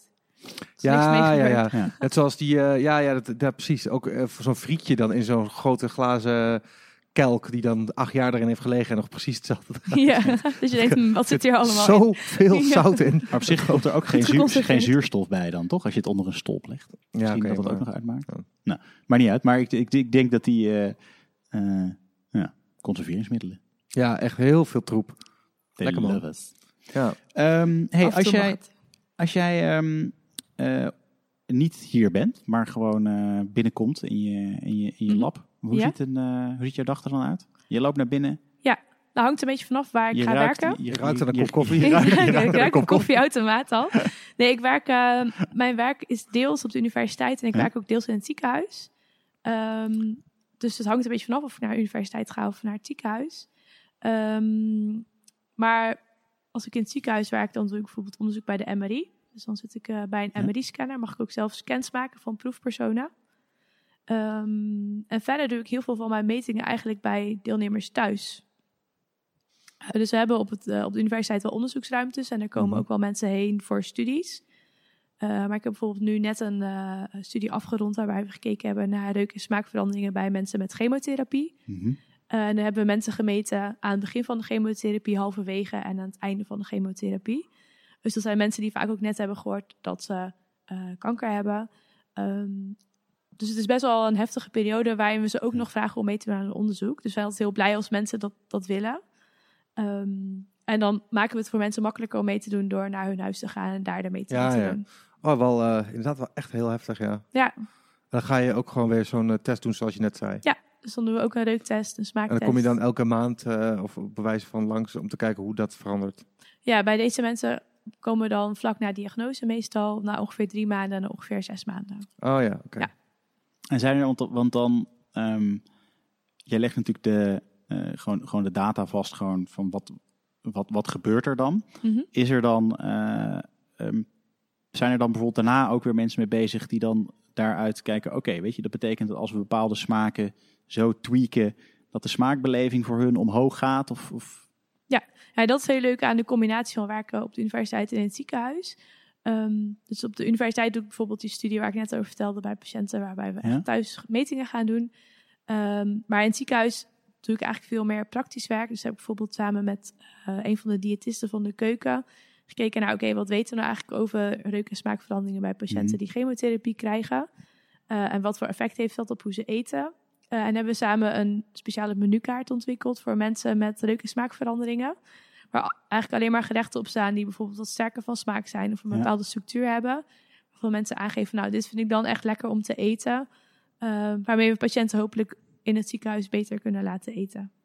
Oh, wat attent. ja, dat, nou, wel, dat, is wel, mooi. Ja. Ja. heel leug. dat is wel echt cool dat je, dat, dat je daar... Ja, Dat je in ieder geval... En ik zat er eh, gewoon aan te denken dat, je, dat er volgens mij een soort van, voor mijn gevoel, extreem veel onderzoek gedaan is naar hoe zorgen we ervoor dat dingen in het vliegtuig lekker smaken. Als je ja, maar ja, ja, ja, ja. Oh, met mega Ja. commerciële inslag. Terwijl Ja. me afvroeg of het dan hier inderdaad in de praktijk ook mee aan de slag Ja. gegaan wordt voor mensen die het echt echt nodig, nodig, hebben, hebben. Ja, om eh, structureel eh, een, een betere smaakbeleving te krijgen, omdat ze het gewoon niet meer hebben. Ja, klopt. Ja, en dat, dat vind ik heel erg mooi aan mijn werk. Dat ik aan de ene kant echt kan uitzoeken, oké, hoe zit het wetenschappelijk gezien? Maar aan de andere kant ook met wat ik daaruit leer, ook direct patiënten kan helpen. En de, nou ja, in dit geval indirect de zorg een beetje beter kan maken. En ook de toepassing zie van wat we doen op de universiteit. Want wat is, waar ben je dan bijvoorbeeld het meest trots op? Van het onderzoek dat je gedaan hebt tot nu toe? Ehm, nou, ik denk dat die menukaart wel een heel mooi resultaat is. Ja. Ehm, ben ook trots op het feit dat we vanuit de samenwerking eh, met de universiteit en het ziekenhuis een speciaal leuk en smaakcentrum hebben kunnen opzetten. Dus dat is echt eh, klinische zorg, dus zij kunnen, of polyklinische zorg eigenlijk. Dus patiënten kunnen echt naar het ziekenhuis komen, zich laten onderzoeken, laten diagnosticeren van oké, je kunt er inderdaad niet meer ruiken, dat komt hierdoor. Dit is wat we kunnen doen qua behandelingen, soms kan er wel iets, soms niet. Eh, maar zoiets was er eigenlijk nog helemaal niet in Nederland. Makkelijk praten. Ik- Ik kan me ook wel voorstellen dat dat op een of andere manier iets is wat soort van jaren, eh, omdat het, het is natuurlijk een probleem of zo, maar Ja. het is ook niet in veel gevallen waarschijnlijk echt een is niet levensbedreigend. Het is niet levensbedreigend, Nee, dus is er ook op niet, niet op die Ja. manier zorg of aandacht voor. Nee. Maar wat was Nee. er dan dat, dat jullie hadden gedaan waardoor eh, je toch mensen kon overtuigen van we moeten daar een eh, ding voor inrichten? Ehm, ja, we hebben bij elkaar gezeten met nou ja, experts van de universiteit en artsen uit het ziekenhuis. En toen eigenlijk een eh, soort businessplan geschreven. Van Ja. oké, dit is wat we kunnen, dit is wat we willen, dit, dit hebben we te bieden. Maar goed, dat moet uiteindelijk wel goedgekeurd worden door zorgverzekeraars, want daar ben je van afhankelijk. Mhm. Ja. Ehm, dus dan, ja, dat is een heel complex geheel van onderhandelingen binnen het ziekenhuis. En daar hoefde ik gelukkig zelf niet aan mee te doen. Maar wij hebben alle input aangeleverd. Ehm, en onze onderhandelaar heeft dat voor elkaar gekregen dat we dat mochten doen. Bij de zorgverzekeraars. Ja, dus daar waren we heel erg blij mee dat Ja. ze ons die kans gegeven hebben. En ja. Afgelopen jaar hebben we ook aangetoond dat de behoefte er heel erg is. Want we hebben echt heel veel patiënten die eh, Die komen Ja. gewoon vanuit heel Nederland Ja. daar naartoe. van Zeeland tot Groningen tot, eh, nou ja, door Ja. heel Nederland. Soms zelfs mensen uit het buitenland. Ja? Ja, dus bijvoorbeeld over de grens in Duitsland of België. Ja, Wauw. ja, kan ik me ook heel goed voorstellen. Ja. Nou ja, het is super. Ik bedoel, uiteindelijk, je, je, je geur en je smaak. Het best wel een belangrijk gedeelte van ons leven is ook wel gewoon eten. En Ja, dat je klopt. dat, eh, en als je dat daar, eh, daar gewoon iets mee hebt. Ik, het lijkt mij super aanrelaxed als je niet meer gewoon Ja. goed lekker eten of een wijntje kan proeven op de manier zoals je dat Ja, dat gewend gewoon, bent. Ja, het Ja. is gewoon een zintuig dat wegvalt. Hè? Dus je, je levenservaring wordt gewoon minder dimensionaal, om het zo maar te zeggen. ja en wat voor patiënten vaak ook frustrerend is, is dat ze zeggen ja, en niemand houdt er rekening mee, want je ziet het niet. Eh, als Ja. iemand bijvoorbeeld blind is of doof, Ja. dan merk je dat heel snel. Ja. Maar als iemand niet kan ruiken, ja, vaak Ja. vertellen ze het wel een keer, maar vergeten mensen ook weer. Zegt ja, kreeg ik weer parfum voor mijn verjaardag? Ja, wat moet ik ermee? Ik ruik het toch niet. Eh, dus je merkt dat mensen daar dan op een gegeven moment ook een beetje gefrustreerd over worden. En dat, nou ja, dat kan uiteindelijk wel een negatieve spiraal worden. Ja, dat snap ik wel. Ja. Ook wel heftig als je de hele tijd parfum voor je verjaardag krijgt, terwijl eh, je... Ja, je denkt... Eh, ja. Ja. Zijn er nog eh, andere dingen die je in je onderzoek bent tegengekomen die je heel opmerkelijk vindt? Of waarvan je dacht, oh wauw, dat had ik niet verwacht? Of waarvan je ons nu kan laten zeggen, oh wauw, dat hadden wij niet verwacht? Nou ja, waar we het in het begin over hadden, dat, nou, hoe, de, hoe reuk en smaak, smaak nou precies samenwerkt. Daar wist ik eigenlijk niet zo heel veel van, voordat ik begon met Ja. het onderzoek. Mhm. Eh, en daar ben ik mezelf ook wel veel bewuster van geworden. Ook met eten. Of, nou ja, en ook hoeveel effect dat kan hebben op ehm, wat je uiteindelijk eet. En hoe, hoe je omgeving daar ook invloed op heeft. Dus als je bijvoorbeeld ergens loopt en je ruikt een voedselgeur. Nou, wat voor effect heeft dat? Wat voor processen beginnen er eigenlijk allemaal al in je lijf te draaien... voordat je überhaupt zelf bedenkt... oké, wil ik dat broodje eten of niet? Ja, Je ja, ja. langs de subway. eh, en dan is je lijf misschien al begonnen met... oh, ik ruik de geur van dat broodje. Nou, eh, misschien moeten we meteen verteren. Energie naar de maag, verteringssappen aan. ja, ja Terwijl je zelf misschien ja. denkt... nee, ik ga hier geen broodje eten, ik loop door. Nou Ja, dat... Daarom is het ook heel ja. moeilijk natuurlijk om zeg maar, minder bijvoorbeeld te eten. Wat ik nu ook probeer te doen, maar het is gewoon juist niet te doen. Soms Nee. als je gewoon, als je zeg maar denkt, ik ga nu eten, ik wil eten. Ja, dan word je een soort van unstoppable force Ja. om, om Ja. te gaan eten. Het is een zo bepaalde moeilijk. geur inderdaad, wat je zegt, Ja, wat je ja. doet bij de Subway. Ik heb dat ben je gewoon een Ik- slaaf. Dat is echt, ik- die geur is wel gewoon dat je meteen denkt, oh, ik wil dat Ja. broodje Nou ja, hebben. ja. En, en wat ik ook opmerkelijk vind... en waar ik me nu veel bewust van ben... is dat ehm, dat ook gewoon heel erg tegen je gebruikt wordt eigenlijk. Dus bijvoorbeeld in de Albert Heijn bak je stokbrood in de winkel af. Ja. Nou, dat is echt niet omdat het nou zo handig is om dat per winkel te doen, maar omdat mensen dan dat verse stokbrood ruiken en denken, oh lekker, nou ik ga een stokbroodje halen of een ander broodje kopen. Of je wordt eigenlijk continu, nou ja, niet voor de gek gehouden, maar Ja. Dat schijnt ook een truc te zijn bij huizen verkopen. Dat het schijnt dat je... met de appeltaart. Ja, met de appeltaart. oven. Ja, Ja. ja. ja. Ja, en het komt op steeds meer plekken. Dus ook bijvoorbeeld kledingwinkels die lekker luchtjes door de Ja. winkel spuiten, waardoor je prettig voelt Ja, en langer kleding, blijft. kledingwinkels, dan loop je echt tegen zo'n muur van, van een zoete geur op. Dat is echt Ja. zo goor. Dat, is, dat mag Dan ben jij waarschijnlijk niet het publiek wat ze zoeken. Nou, ik, wat, nou, kan je stellen, dat is de kleding waar ik het meeste, of de merk waar ik het meeste kleding van heb. Maar als ik die winkel inloop, dan is het echt. eh, heb jij dat niet? Nou ja, ik, ik weet wat je bedoelt. Ja? Ik ken ook mensen die, wat ik dan heel raar vind. Ik heb ook wel eens dat, ik, eh, dat mensen die bij die kledingwinkel dan hun kleding kopen en dan op dat geurtje hebben gekocht. Om op de kleding. eh, nee, gewoon om voor zichzelf. Als, als, Oh. als, als- Oh. Ja, En dat ik ze jammer, en kledingwinkel. dan, nee, maar als ze dat dan, nee, maar dan, ruik- dan denk ik, hé, hey, je, je gaat naar die winkel. Dan denk ik niet, Ja, ja, wat een lekker geurtje. Ja. Maar dat wilde hij Ja. ook. ik, wil gewoon, ik wil gewoon ruiken naar een winkel. en wanneer wist je dat je wetenschapper wilde worden?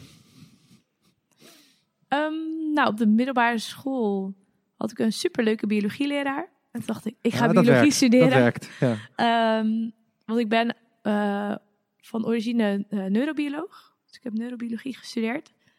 Ehm, en toen was ik afgestudeerd en zei ik, nou, ik weet nog niet precies wat ik ga doen. Maar ik ga zeker niet promoveren. Nou, Ah, dat oké. is toch gebeurd. Dat is, eh, maar wel in een iets ander vakgebied dan. Ja, dus wat ik nu doe heeft wel... Ik doe wel nog deels hersenonderzoek, maar ik zit natuurlijk nu ook op de afdeling humane voeding. Dus Ja. het is wel iets breder geworden dan dat. Ehm, maar eigenlijk is het een beetje zo gelopen, omdat ik... Nou, ik was betrokken bij dat Leuk en Smaakcentrum. Ehm, ik werkte in het ziekenhuis en ja, op een gegeven moment was het gewoon... Het liep allemaal. We gingen patiënten zien, we konden data verzamelen. Want we vragen patiënten, mogen we jullie gegevens gebruiken voor onderzoek? Mhm. Nou, als ze ja zeggen, dan komen ze onze database. Als ze nee zeggen, mag het natuurlijk ook. Dat verandert voor hun zelf dan niks. Ehm, dus er was een hele grote database. En toen de mensen met wie ik al heel lang had samengewerkt... om alles een beetje op poten te krijgen, zeiden... ja, maar oh, je zit er nu zo in. Het is zo'n mooi onderwerp. We hebben zulke mooie data. Wil je daar niet iets mee? Toen dacht ik, ja, ja misschien eigenlijk toch wel. Dus ik ben er een beetje ingerold. Ja. En nu ben ik super enthousiast over. Eh, Oh, en moet eind dit jaar fijn, mijn proefschrift klaar zijn.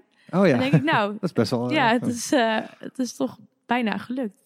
En dat was niet eh, wat ik. was niet de bedoeling. Dat was niet de bedoeling. Eh, maar ik denk dat ik straks, eh, als er mijn, mijn boekje voor me ligt, toch wel heel erg trots ben op wat Ga je ik afgelopen verder? jaren heb Wil je dan ook verder ermee? Zijn we nu aan, naar aan het kijken of dat kan. Er zijn nog heel veel dingen die ik graag zou willen doen. Maar Zoals? ehm, wat we nu doen is dus mensen in de MRI stoppen en kijken of er dan hersenactiviteit is. Als ze geuren ruiken, maar iets vergelijkbaars kun je ook doen met EEG. Dus dat is ook een, een soort hersenonderzoek, maar dan meet je weer andere dingen. Eh, en ik denk dat daar heel veel mogelijkheden liggen, maar dat is nog nooit heel goed uitgezocht. Dat is volgens mij helmpie. Ja, dat is zo'n ding Ja. op je hoofd met allemaal van die eh, draden, eraan. Ja. Ehm, dus daar wil ik heel graag mee verder. Dus zijn we nu aan het kijken of dat. eh En dan kun je dat ook gewoon bij de mensen langs thuis ook nog eens. Toch dan, of niet? Nou, toch dat is iets ingewikkelder, want je Ah, hebt wel een EEG-apparaat nodig en Oh ja, een apparaat waarmee je geuren Dat is, kunt kan nog niet met je, Niet, dat kan nog niet met je iPhone. Nee, nee er zover zijn we nog niet. Inpluggen en Ja. eh, nee. Oké, Nee. Nou, top. Ja, De faculteit van huistuin- en keukenwetenschappen. En daarmee zijn we aangekomen bij het onderdeel de faculteit van huis, tuin en keukenwetenschappen. Daarin gaan we met onze luisteraars op zoek naar momenten waarop zij dachten, yes, ik ben best wel wetenschappelijk bezig. Ook al ben ik helemaal geen professioneel wetenschapper. Hè? Maar ja, wetenschap is overal. Dus eh, hè, dat is leuk. Luisteraars betrekken, alles mooi. En deze week hadden we een inzending van Jochem. En Jochem had alleen niet eh, een hele goede observatie eh, en conclusie. Maar Jochem had ook nog eens eh, onderzoek gedaan, verder onderzoek, om te kijken wat nog meer allemaal mogelijk was binnen eh, het door hem uitgevonden vakgebied. Dus ik, Het is ook een verhaal, jongen. het is een heel lang verhaal, maar we, we, we, we- ja, ga jij ergens heen? Volgens mij niet. Nee. Jochem zegt, ik zat laatst te denken dat warme lucht meer vocht opneemt dan koude lucht. Daarom is het ook handig als je bijvoorbeeld je was hangt te drogen in een warme in plaats van een koude kamer. Oké, tot zover. eh, eh, Hier, hij had hier kunnen stoppen. Ja, daar had, had hij al twee mokken mee gewonnen. maar dit was een observatie of dit had hij al dit is al, dit is al, dit, we beginnen net. Dit Oké, was, oh, eh. Dus toen ik had nog gedoucht, zoveel Er komt meer. nog meer. dus toen, toen ik had gedoucht en eh, toen was de spiegel beslagen. Had ik de deur van de badkamer over, opengezet, maar dat hielp niet echt, want de spiegel die bleef maar beslagen. En toen dacht ik, wacht eens even, als ik nou warme lucht op krijg, dan is hij misschien straks wel niet meer beslagen. Gelukkig heeft mijn vriendin een föhn en die zette ik gewoon op de spiegel en tada, geen beslagen eruit meer. Nou, daarna Ja, ben ik trouwens even gaan zoeken en wat blijkt, je kunt ook het beslaan van je spiegel voorkomen. voorkomen. Voorkomen. Voorkomen, Ik ja. altijd, het is altijd met dit woord, ik weet niet waarom. Voorkomen door er wat afwas afwasmiddel, shampoo, shampoo, shampoo of azijn op te smeren. Door het vette laagje kunnen de druppels zich dan niet hechten. Of een spiegelverwarming te nemen, maar dat is wel heel erg omslachtig.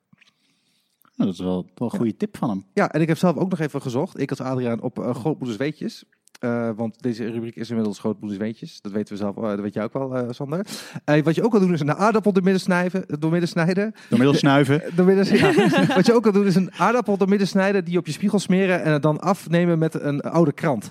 Wat is dat voor tip? En kun je dan jezelf ook nog zien? Gewoon zo- als je gewoon zoveel mogelijk troep in je huis hebt, dan moet je gewoon over die spiegel heen halen en dan doet hij het weer. Maar ook wat ik, als je, wat een auto was. Dankjewel Jochem voor de inzending. Eh, nee, ik wil nog even terug. Want Ja, niet alles is toch vet? Want hij zegt dat het komt door het vet. ja, of toch of vet? of iets anders, een laagje waarop, waarop, waardoor Waarop niet water niet water hangen. niet hecht. Ja. Ja. het kan vet zijn, maar kan ook anti-water zijn. I don't know, Sander. Jij met je moeilijke vragen. hè? Maar dat, maar, en kan je je spiegel dan inderdaad nog wel zien? Als ik er shampoo op smeer, dan krijg ik toch gewoon... Maar kun je je spiegels überhaupt wel zien? Want eh, een spiegel reflecteert alleen maar. Hoe, zal- hoe ziet de spiegel er eigenlijk uit? Als je, wat is de kleur van een spiegel, Sander? Reflecterend. Nee. Maar ik dat vond een het op zich kleur? wel leuk. Reflecterend. Wel op zich wel leuk dat als je, als je spiegel beslagen is, dat je dan een föhn erop zet. ja, dat is top. Net zoals als je in je auto zit en je Ja, hebt ook. ruiten, dat je de verwarming hoog zet. Ja, dan pak je, dan pak je je föhn. ja. Altijd mee in de auto. Ja, altijd even die föhn mee. Ja, Ja. nou, ik, vind Ja, dat, ik heb zo'n verloopstukje dat het naar mijn sigarettenaansteker gaat. En dan. Ja, eh, precies. Ja, of je kunt ook gewoon met die sigaretten aansteken, gewoon over je ruit heen gaan. Heel omslachtig. Maar dat is wel een andere situatie, toch? Want dit is warm. Of is het hetzelfde? Dat doe ik omdat... Gewoon omdat- beslagen. ja. Oh, wacht. Ik zag, dacht in een situatie dat je eruit bevroren was. Kan ook, dat weet ik niet. Ik weet niet of je dan met een föhn moet gaan zitten klooien, want dan eh, kan je misschien je ruit breken vanwege de koude Ja, het verschillen. temperatuurverschil te groot, denk ik. Ja, maar als, je de, als ik de verwarming vol Jochem, openzet... dit heb je niet goed uitgezocht. Gezocht. Je krijgt geen mok.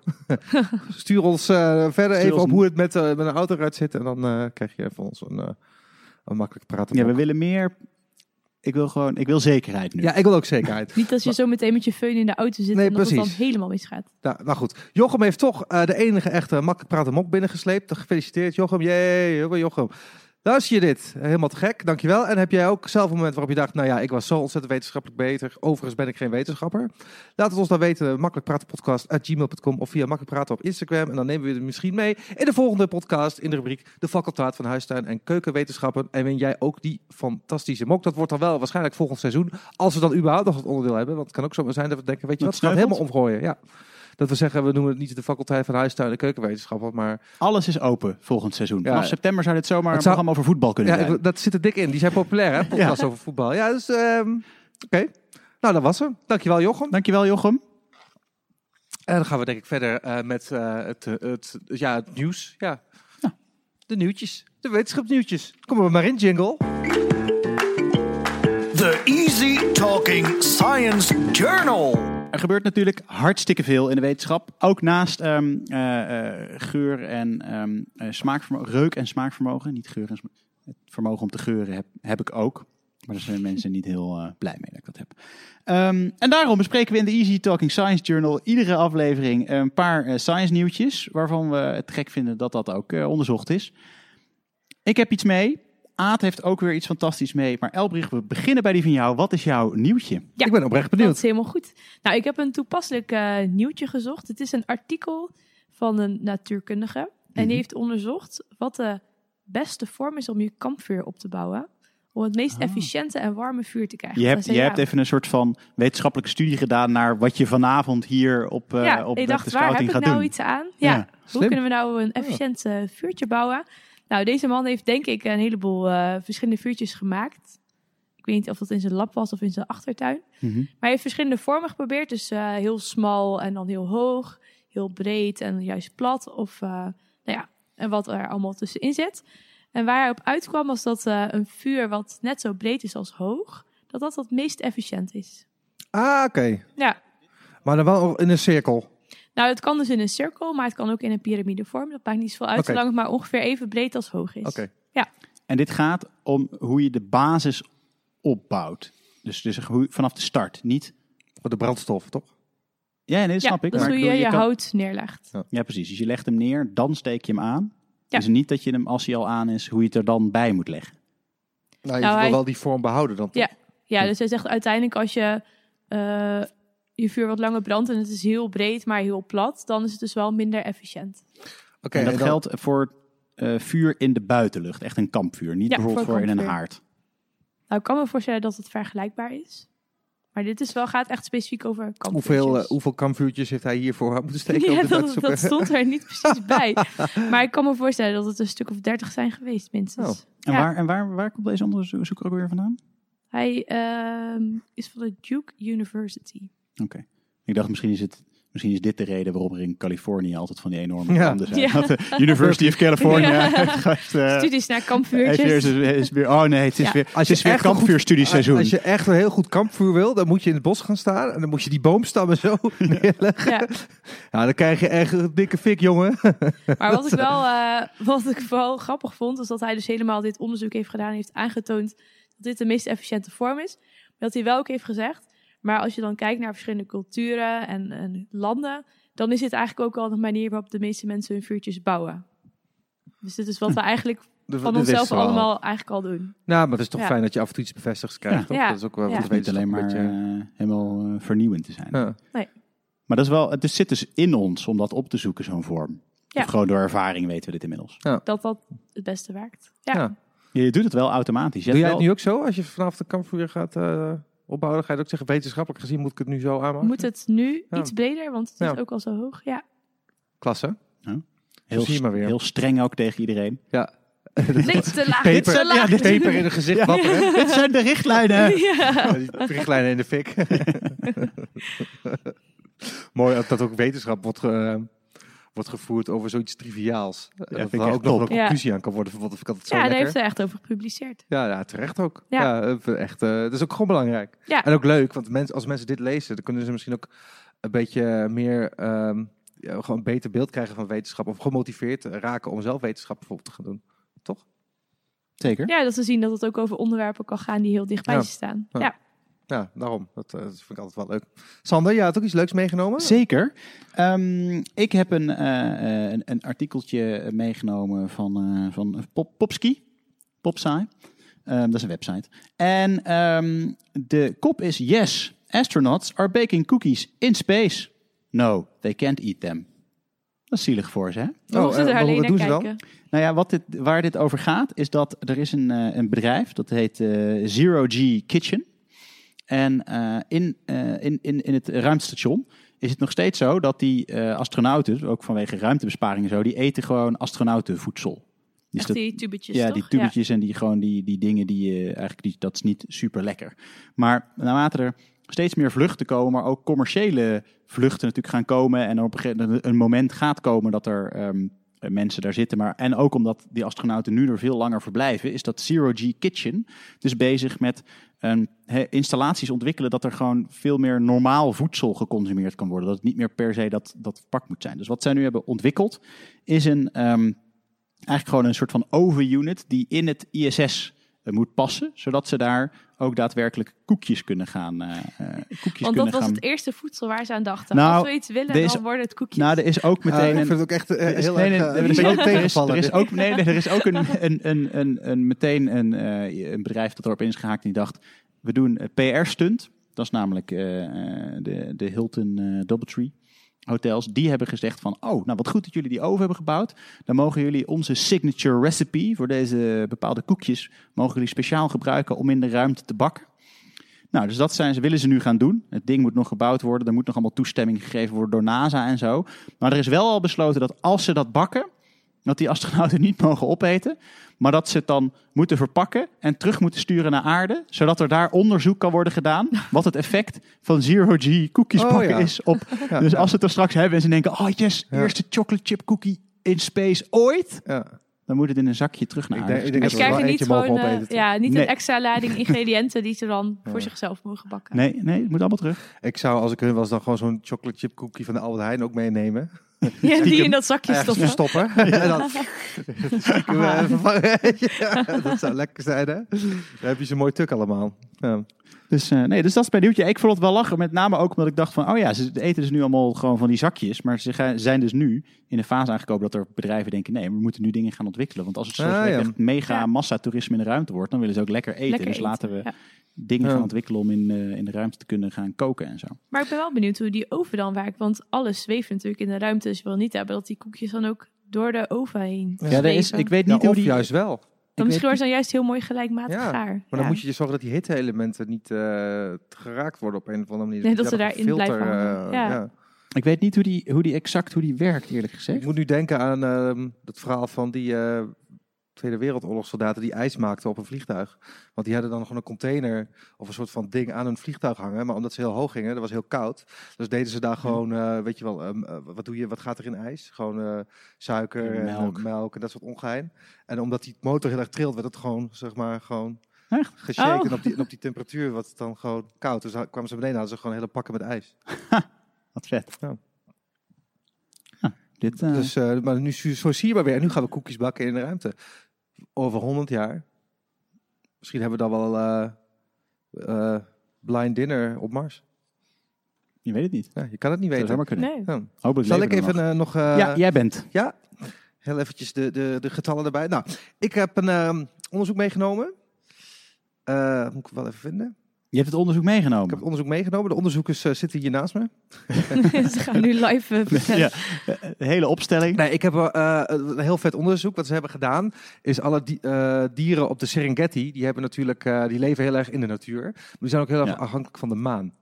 Want bijvoorbeeld leeuwen, die zijn heel erg, ehm, ja, die hebben dat maanlicht nodig om te gaan jagen. Want als Ja. het heel erg donker is, kunnen ze niet jagen. Dus er, er ontstaat een soort van hele nieuwe lifestyle om eh, het maanlicht heen. Als het maanlicht heel fel is, dan doen dieren het ene. Als het maanlicht heel erg zwak is, doen dieren het andere Mhm. om uit te zoeken wat ze dan doen. Hebben ze, ja, volgens mij 2000 dieren hebben ze getrekt. En ze hebben allemaal camera's opgehangen. En dan zijn ze gewoon per dier zijn ze gaan kijken wat doen ze bij X maanlicht, wat doen ze bij dat maanlicht. En wat ze bijvoorbeeld, waar ze bijvoorbeeld achter zijn gekomen, is dat eh wildebeests bijvoorbeeld, als het eh, heel fel licht is, dus dan weten ze. Oh, wacht even, we zijn misschien wel goed zichtbaar. Dan gaan ze heel erg op veilige plekken staan. En als het wat minder licht is, dan gaan ze wat meer eh, de, eh, de, de wildernis in en een beetje eh, Wildebeest zijn. ja, ja, oh, een en beetje- dan een weten ze, beetje we zijn nu Ja. veilig. We En, kunnen ja, op pad. ja, precies. En uh, zebra's ook. En dan heb je bijvoorbeeld ook eh, eh, eh, ja, hoe noem je het? Strontkevers, om het zo maar te zeggen. Ja. Die zijn ook heel afhankelijk van het maanlicht, want die kunnen zichzelf oriënteren met het maanlicht. Dus als de, maan, als de maan op een bepaalde manier staat en hij is zo fel, dan weten ze dat ze ongeveer zo moeten lopen naar eh, waar ze vandaan komen als ze net een verse drol ergens hebben opgehaald. Dat hebben ze allemaal uitgezocht. En het allermooiste is nog eh, de eh, bisons. Eh, die boeit voor geen flikker. Die blijven gewoon lekker waar ze zijn. die denken, ja, maar zitten Maan die geen maan. maan. Ja, ja. Maar dit is wel op de Serengeti, daar ben ik toevallig geweest. Dat is al heel indrukwekkend. Dat is een, een gebied wat zij hebben onderzocht dat ongeveer eh, de staat van LA is, volgens mij. Ja. En duizenden eh beesten dus getrekt en ook nog overal eh, camera's opgehangen. Het is echt tof. En je kunt ook, als je het... eh, Het echt een gaan immens natuurlijk onderzoek. in de show notes gaan we natuurlijk de In link de show notes gaan jij het zie je ook heel veel vette foto's. Van de vorige keer niet gedaan Van foto's wel? van, Wel ehm, ja, gewoon van, van die, eh, ja, op candid camera, ik kan ze nu even laten zien. Oh ja. Maar gewoon van ja, zo'n eh, zebra die dan net te grazen is genomen. Eh, het licht dat je op deze foto ziet is van de camera, niet van het maanlicht. Maar Ik eh, dacht al, wat staat die maan laag? Ja, ja, precies hè. een hele Maar felle maan ook. het is, ja, ik vind het wel tof. Want je- ook dus, eh, Weet je, je, stel je voor de maan was er niet. Dan hadden dus, er was dus de hele wereld was heel erg anders geweest. Je denkt soms van, oh, het is alleen maar eb en vloed, maar dat heeft dus ook heel veel invloed op, eh, op dieren. Maar Ja. ook op mensen, toch? Ja, heel ik ken mensen, iemand ja. die slaapt heel slecht als het volle maan is. Die heeft daar echt last van. Kom, maar komt het schijnt dan, ook een ding te zijn, licht? Of, eh? Of omdat hij een weerwolf is. Ja, misschien Oeh. dat laatste, maar ja. dat durf ik nooit goed te vragen. ja, maar dat vind ik, Jij komt ook nooit dat vind ik- dat vind ik, dat, dat- ik, ja, als iemand dat zegt, dan vind ik, heb ik toch behoefte om bullshit te callen. Ja, dat nou, kan ik vind het ook niet. altijd moeilijk te Ja. Ik, ik begrijpen. niet, maar... ik maak dan ook geen grapjes over weerwolf en zo. Nee, nee, nee, maar het kan Ja. gewoon niet. Weet je, het is gewoon, het zit ja, maar gewoon ze echt heeft tussen je oren. echt al jarenlang elke maand. Ja. Maar heeft ze dan ook dat ze denkt, oh ja, het was weer volle Maar, kan, Want ik heb slecht geslapen. maar app en vloed en zo, er Ja. komt toch wel een soort van allemaal energie en kracht en... en, en ja, en dat, je- dat, dat, ja. dat- daar zijn mensen die daar heel erg in geloven, al die energievelden. Ik denk ook dat het gelul is hoor, maar ik probeer even met haar mee te denken. ja, maar, Misschien is er een luisteraar die gewoon Ja, alles over hoezo kan zou je slecht slapen vanwege energievelden? Die energievelden zijn toch sowieso... Dat weet ik niet. Je hebt ook een heel mooi verhaal over. eh eh, het was een, eh, een eh, antenne van een telecommaatschappij die wilde ze bovenop een flat plaatsen. En er waren allemaal bewoners die hadden allemaal klachten ingestuurd van nee, dat kan echt niet, want Mhm. straling van zo'n mast en daar kan ik echt niet van eh, slapen, was echt gez- ongezond, bla bla bla. Eh, maar uiteindelijk kwam die mast er toch. En die, eh, nou, één, één eh, nacht was voorbij. En de volgende dag iedereen klachten sturen van... ja, ik heb inderdaad heel slecht geslapen en ik voel me slecht, ik heb hoofdpijn. En zei de telecommaatschappij... ja, maar we hebben hem alleen geplaatst, hij is nog niet aangesloten. Ja, ja. Het viel echt, het is echt zo Ja. typisch, zo typisch, Heel lekker dit. typisch Ja. mensen. Oh ja, we willen dat niet, eh, we moeten hier met die straling en alles. Ja. Gewoon totaal niet weten waar je het over hebt. ja. Zo lekker. Ja. Ja. Nee, had- maar bij die, bij die dieren is het dus wel echt een ding. Ik zat, ik zat daarop te denken. Je, je hebt dus een, ehm, je hebt een, een eh, eh, Russisch bedrijf. Eh, die, zijn- die zijn nog niet begonnen, maar die willen ehm, met een soort van hele grote satellieten ehm, het zonlicht weer kaatsen, waardoor je een soort van luchtreclame hebt die je wereldwijd ziet. Die, die zijn allemaal geld aan het ophalen en zo. Oké. Ehm, dus dat het zo fel is dat je dan bijvoorbeeld Coca-Cola aan de lucht ziet als logo. In het donker, altijd, overal ter wereld. Oh my god, Dat zou echt- niet. Echt, Maar je kunt niet alleen de echt- sterrenbeelden zien, maar ook Coca-Cola. Oh Ja. my god. dat, zou, lijkt me echt verschrikkelijk. Maar ik zat, Ja. zat me opeens te bedenken, dit, dit bedrijf staat echt. Die, hebben allemaal, die halen allemaal geld op en zo. En, eh, Maar de lucht is natuurlijk niet van iemand. eh, nou, volgens mij zijn er internationale verdragen dat de ruimte inderdaad van, van niemand is. Maar het, het, het hangt er. Ze zijn ook in Rusland gaan gevestigd. Het is, eh, volgens mij zijn het ook Russen. Maar ze denken ook dat ze de grootste kans hebben dat als dit lukt, om het in Rusland te lanceren. Omdat waarschijnlijk in Europa mensen, de- alle landen zouden ze reguleren, zouden zeggen, dat mag niet. Ja, Ja. terecht ook. Maar, eh, Maar, maar dan kunnen wij met Europa toch gewoon dan daar nog een, eh, raket op bord, afsturen. bord, voor- bord voorhangen. Ja. Zeggen, Coca-Cola, dat wij gewoon puur op de jennen gewoon daar iets anders voorhangen. Coca-Cola Zodat, zodat, is zodat vies. Coca-Cola. Ja, daarachter. Ja, ja, zo- zoiets. Ja. Ja, dat, ja, ze- ik weet niet of het ooit gaat lukken, maar ze, zijn- ze zijn er wel echt, eh, echt mee bezig. Maar ik zat opeens het booster aan het denken dat ik dacht, oh, je, ze, dat, die, dat, dat die beesten helemaal van slag raken, omdat ze Ja, allemaal van die oneindige De luchtreclame zien. lopen allemaal de verkeerde kant Eh, uit eh, door de van die indianenstammen die dan helemaal gek worden. Ja, Ja. Die worden dan helemaal gek. Want die hebben dan zo'n flesje gevonden ooit met Coca-Cola erop ergens. Wat En ze nu is het- een nieuwe god. Ja. En dat ze dan, ja, zo heftig wel. Nou oké, ja, ik hoop niet dat dat gaat gebeuren. Ik zou het wel jammer vinden. nee, ik ook niet. Het zal wel echt het, eh, het begin van het einde zijn. Ja, niet alles wat kan, hoeft ook, Nee, hoeft ook te kunnen inderdaad. Ja. Ja. Ja. Bumper. Thanks, wetenschap. Take it away, Sander. Yes. Het zit er bijna op. De allerlaatste aflevering van seizoen 1. Ja, het het was, het was me de rit wel. En ehm, Oh, daar gaan we het zo meteen over Dan hebben. gaan we het zo direct over, over het einde van de rit gaan we het zo direct hebben. Ja. Maar we gaan nog even één ding behandelen. Dat is namelijk, ehm Elbrich, wat jij hebt meegenomen... waarvan jij eh, super blij bent dat de wetenschap dat mogelijk heeft gemaakt. Dat klopt. Ik heb eh, het niet specifiek zelf meegenomen, maar wel een artikel erover. Ehm, dit gaat over zonnecellen. Nou ben ik heel erg een voorstander van groene energie. En Mhm. ik denk zelf dat zonnecellen een heel mooi eh, eh, middel is wat mensen ook zelf thuis kunnen gebruiken. Dus je ziet steeds meer zonnecellen op daken, maar ook zonneparken. En eh, ik denk wel dat dat iets is waar we naartoe moeten. Dat mensen ook beseffen van oké, ik gebruik energie en ik moet ook zelf een rol daarin spelen om dat op te wekken. Ehm, maar wat ik ook altijd heel erg gaaf vind, is de link tussen technologische ontwikkelingen en hoe we daarvoor kunnen leren uit de natuur. Dus het artikel vond ik dat gaat over hoe we van vlinders kunnen leren, hoe we zonnecellen efficiënter kunnen maken ehm, en ook dunner Eh, want dat is vaak nog wel een bezwaar. Dat mensen zeggen, oké, het is zo groot, het is zo lomp, het past niet. Mijn dak Ja. is misschien niet stevig genoeg. Nou, hier hebben ze dan in vlinders gekeken van, oké, hoe kunnen we nou zorgen dat die zonnecel wel efficiënt is, maar het dunner wordt, zodat we eigenlijk die zonnecel kunnen verbeteren. Eh, en op die manier misschien dus ook voor meer mensen beschikbaar kunnen En, maken. en hoe dan? Ja, dus het heeft te maken met ehm, hoe de vleugels van de vlinders zijn opgebouwd. Dus die zijn bedekt met een soort van eh, roosterstructuur. Nou, dat zie je in zonnecellen ook altijd zitten natuurlijk. Dat zijn hele regelmatige roosters. Eh, alleen hebben ze bij vlinders ontdekt dat die een heel onregelmatige roosterstructuur hebben. Dus die zijn eh, verschillende diameters onregelmatig gerangschikt. En toen dachten onderzoekers van ja, dieren zijn juist heel erg efficiënt. En zo'n onregelmatige roosterstructuur ziet er heel inefficiënt uit. Nou, het zal dan toch kennelijk op de een of andere manier efficiënt zijn, want anders waren die vlinders niet nog steeds hier. Ehm, dus we hebben verschillende modellen gemaakt. En gekeken van nou, als we nou een model maken wat wat minder regelmatig is, eh, kan dat dan ook beter licht absorberen. Eh, en daar bleek uit dat eh, de modellen die het meeste leken op hoe de vlinder, of de vleugel van de vlinder eruit ziet, ook inderdaad beter waren in het absorberen van licht. Oké. Hmm. Een beetje een technisch verhaal misschien. Ja. Maar, Maar nou ja, dat, dat maakt het alleen maar mooi. Maar Ja. hoe, hoe dan? Hoe, wat moeten wij daar dan mee? Hoe zou dat dan? Nou, je zou dus kunnen zeggen, oké, we moeten de manier waarop we zonnecellen ontwerpen aanpassen. Ja, Ehm, want als we ze anders ontwerpen, kun je met bijvoorbeeld minder zonnecellen dezelfde hoeveelheid Ja. energie opwekken. Of met meer Ja. zonnecellen nog meer energie. oké, ja. Interessant wel, hè? En wel grappig dat je dus dat iets waarvan wij denken dat lijkt inefficiënt, dat Ja. het gewoon dus wel efficiënt is. Ja, omdat de natuur Ja. heeft natuurlijk miljoenen jaren gehad om dat gewoon helemaal Te optimaliseren. Dus we moeten Ja. altijd gewoon naar de natuur kijken. Ja. ja. Vet. Ja, zonnecellen. Maar ze zijn nu al wel een stuk e- efficiënter, toch? Eh, Even Ja. terugkomen Ja. op zonnecellen. Ja, als je kijkt naar bijvoorbeeld tien jaar geleden, dan is Ja. het nu echt wel een stuk beter. Dus dit ja. gaat wel, eh, dat is wel fijn dat dat een beetje de goede kant op gaat. Het is ook wel lekker, weet je, want dan kunnen we gewoon ieder, eh, ieder half jaar gewoon je zonnecellen vervangen. Ja, Zodat je precies. gewoon eh, daar meer lekker afval mee Ja. creëert. Nee. Ja, precies. En, een op. Laatst had ik een paar Ja. groepen, die vond ik toch niet zo mooi, want die hadden een rode rand. En nu heb ik eentje met een blauwe rand. dat Oh, soort ja. chills, en dat krijg je dan, hè? Ja. Deze Ja. past beter op mijn dak. Ja. Ja. Krijg je dan, staat Ja, maar je We moet hebben de kozijn eh, opnieuw geschilderd. Dus Ja, nu, moet ik ook nieuwe past, passen hebben. Oké, nou, Sander. Ja, daarmee Take zijn it we- away. Ja, daarmee zijn we aan het einde gekomen van de aller, aller, allerlaatste aflevering van Makkelijk Praten van, Van seizoen. 1.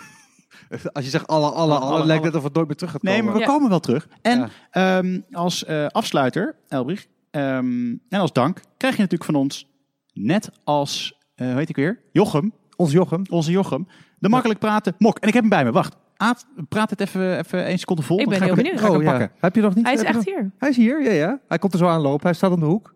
Het zou leuk zijn als we nu zo'n surprise show of het spijt me muziekje eronder monteren. Dat iemand, Robert zeg en maar, Brink. Ja, dat iemand nu... eh, de- de- ja, kijk, daar is hij. Verkleed als mok. ja. Nou, enig? Wauw. Ik ga er vanavond direct eh, een kopje koffie uitdrinken. Nou, Is het alles eh, waar je van droomde en meer? Zeker. Misschien mag je vanavond wel naast mijn bed staan. nou, we moeten het niet te gek maken, hè? Wauw. Ja, het is echt een uh, topbok. Al zeg ik het zelf, ik gebruik het zelf ook heel vaak. Ja, Zo heb ik die ook nog een tijdje gebruikt. Nee. Nooit afgewassen ook. Ja. Nee, Daarom is, is er een, een hapje uit ook. Ja. oortje kapot. Ehm, ja, bedankt. ja, Leuk verhaal. ja, graag Thanks. gedaan. Jullie bedankt. Ehm, en over twee weken ehm, Zijn we er niet? Zijn we er niet. Ja, dat, Dat, is is ook lekker. wel eens even lekker rustig. Ja, is wel een keer eerder gebeurd, maar dat was een eh, foutje van ons. Maar Ja. eh, ja. Eh, nee, daar zijn we er niet. En eh, we- zijn er weer in september. Ja. Hebben we al een datum? Nee, nog niet. Maar ehm, Dat, we zijn er in eh, ieder geval begin september weer. Er zijn al eh, gewoon weer op de donderdag. weer genoeg eh, universiteiten die, Ja. die willen meedoen. Ehm, in de tussentijd gaan we denk ik ook wat minder posten op, op de socials. Ja, Want het is gewoon eigenlijk vakantie. ook het is voor ons zomerreces. Ook voor ons is het werk. Hè? Het is niet dat wij dit leuk vinden. Jezus, nee, Nee. man, hou op. Poeh. Zitten, we hier, echt, eh, zitten we hier weer midden in de bos seizoen, ik wil seizoen 2 niet eens maken. We zijn nog in onderhandeling. Met onszelf. Ik ga, ik ga misschien over, overstappen naar een andere podcast. Je hebt je salariseisen transfer, neergelegd. ja. ja. maar nee, Sander, we zijn we zijn wel te horen. Nee, we, ja, we zijn, nee, maar even voor, voor alle duidelijkheid. Want sommige luisteraars kunnen nu in paniek raken door dit grapje, Oké. Adriaan. We zijn er gewoon weer met seizoen 2 Van Makkelijk van, Praten van podcast. Makkelijk Praten podcast in september. Ja. Ik denk gewoon, gewoon helemaal vanaf het begin, maar op, vanaf de donderdag. Ja. Ehm, dan zijn we er gewoon weer. En in de tussentijd gaan we wel door met podcast maken. Ja. Dat wilde jij zeggen. Ja, want we zijn te horen op BNR elke maandag in de zomer. Met de Komkommer Show. Lekker opmerkelijk nieuws. Dus eigenlijk wat we doen met makkelijk praten, maar dan nog minder inhoudelijk. Ja. En geen wetenschappers. En geen wetenschappers, gewoon- Gaat ook niet over wetenschap. Goed old Sander en Adriaan. Af en toe iemand bellen die totaal niet relevant is voor het verhaal. Ja, dat komt Ja, eigenlijk toch? wel op Ja. Maar dus misschien dat ook wel juist waar je in de zomer een beetje behoefte aan hebt. Daarom, Zeker. daarom Ja. dus we dachten, Dus, eh, hè, we, eh, ja. Ja, gewoon audiofragmentjes. Lekker gezellig Vanaf kletsen. maandag. Half uurtje. Ja. Vanaf eh, komende maandag eh, Ja. op BNR, in de BNR-app. Of gewoon alle normale gebruikelijke podcastkanalen. De Komkommer Show. De Komkommer Show. Kan Ja. je luisteren. Ehm, dit eh, kan je ook, eh, deze podcast, makkelijk praten. Kan, je je ook luisteren. luisteren. Dat- Kan je ja. gewoon in alle gebruikelijke podcastkanalen. Spotify, iTunes, eh, Castro. Dat En, noemen we eh, nooit, maar... Ja, maar dat is, dat nieuw. Het schijnt heel relaxed te zijn om, om snippets te delen. Maar eh, seizoen 1 zit erop. Sander, wat, voor jou, wat was jouw favoriete moment? Eh, Oeh, wat was mijn favoriete moment? Eh, ik denk. Ik moet natuurlijk nu zeggen dat, eh, dat we hier zaten eh, op, de, op de scouting. Maar ik vond een van de eh, leukste momenten, eh, denk ik, toch in de kas met roei. ja, vond ik, vond Vond ik ook leuk. Vond ja. ik een leuk moment. En omdat ik de kas heel leuk vond. Maar ook omdat het ehm, eh, ik gewoon niet nog steeds heel vaak die anekdote vertel over dat gras als het gemaaid wordt een signaal eh, uitstoot. eh, en dat dat betekent Maar die kwam van mij, hè? dat ze eigenlijk, dat ze eigenlijk help, help roepen. Ja. Eh, wat helemaal nergens op slaat. Want dat, dat is gewoon heel zielig. Want ze- ja, het is niet alsof ze weg kunnen Oh. rennen. Ehm, dat vond ik heel leuk. Moment. Jij? Eh, nou, ik wilde dit zeggen. Dus je hebt het, voor me, het gas voor mijn voeten weggemaakt. Om het maar eens even in die termen te houden. Nou, wat ik dan in general heel vet vond, is dat we altijd op hele vette locaties waren. Ja, vond ik ook. En dit was alweer... We kwamen steeds op een vettere locatie. We gingen van eh, vergaderzaal naar eh, hele vette vergaderzaal, bestuurskamer, naar lab, naar... Op een gegeven moment waren we aan zee ergens. Nu zitten we weer in Ja. het bos. Dat is echt gek. Dit was ook weer top. En ook een hele perfecte afsluiter. Dus eh Ja. dankjewel. Elbrie, wat vond jij het leukste moment van dit seizoen? Nou, deze aflevering natuurlijk. Dat was een goede, af, was een goede aflevering, hè? Ja, ja dat was ook top. een hele leuke we gast Ja. goed hebben Ja. gedaan. Ja, Ja. sprak We ook... waren eh, in vorm. Ja. Dus eh, mocht je eh, denken, er is over twee weken geen nieuwe aflevering en dat vind je balen, luister gewoon deze aflevering nog een keer, want hij is zo goed. Of alle Je andere eigenlijk, afleveringen. eh, ja, precies. Ik bedoel, we kunnen er wel wat van, toch? Zeker. Ja.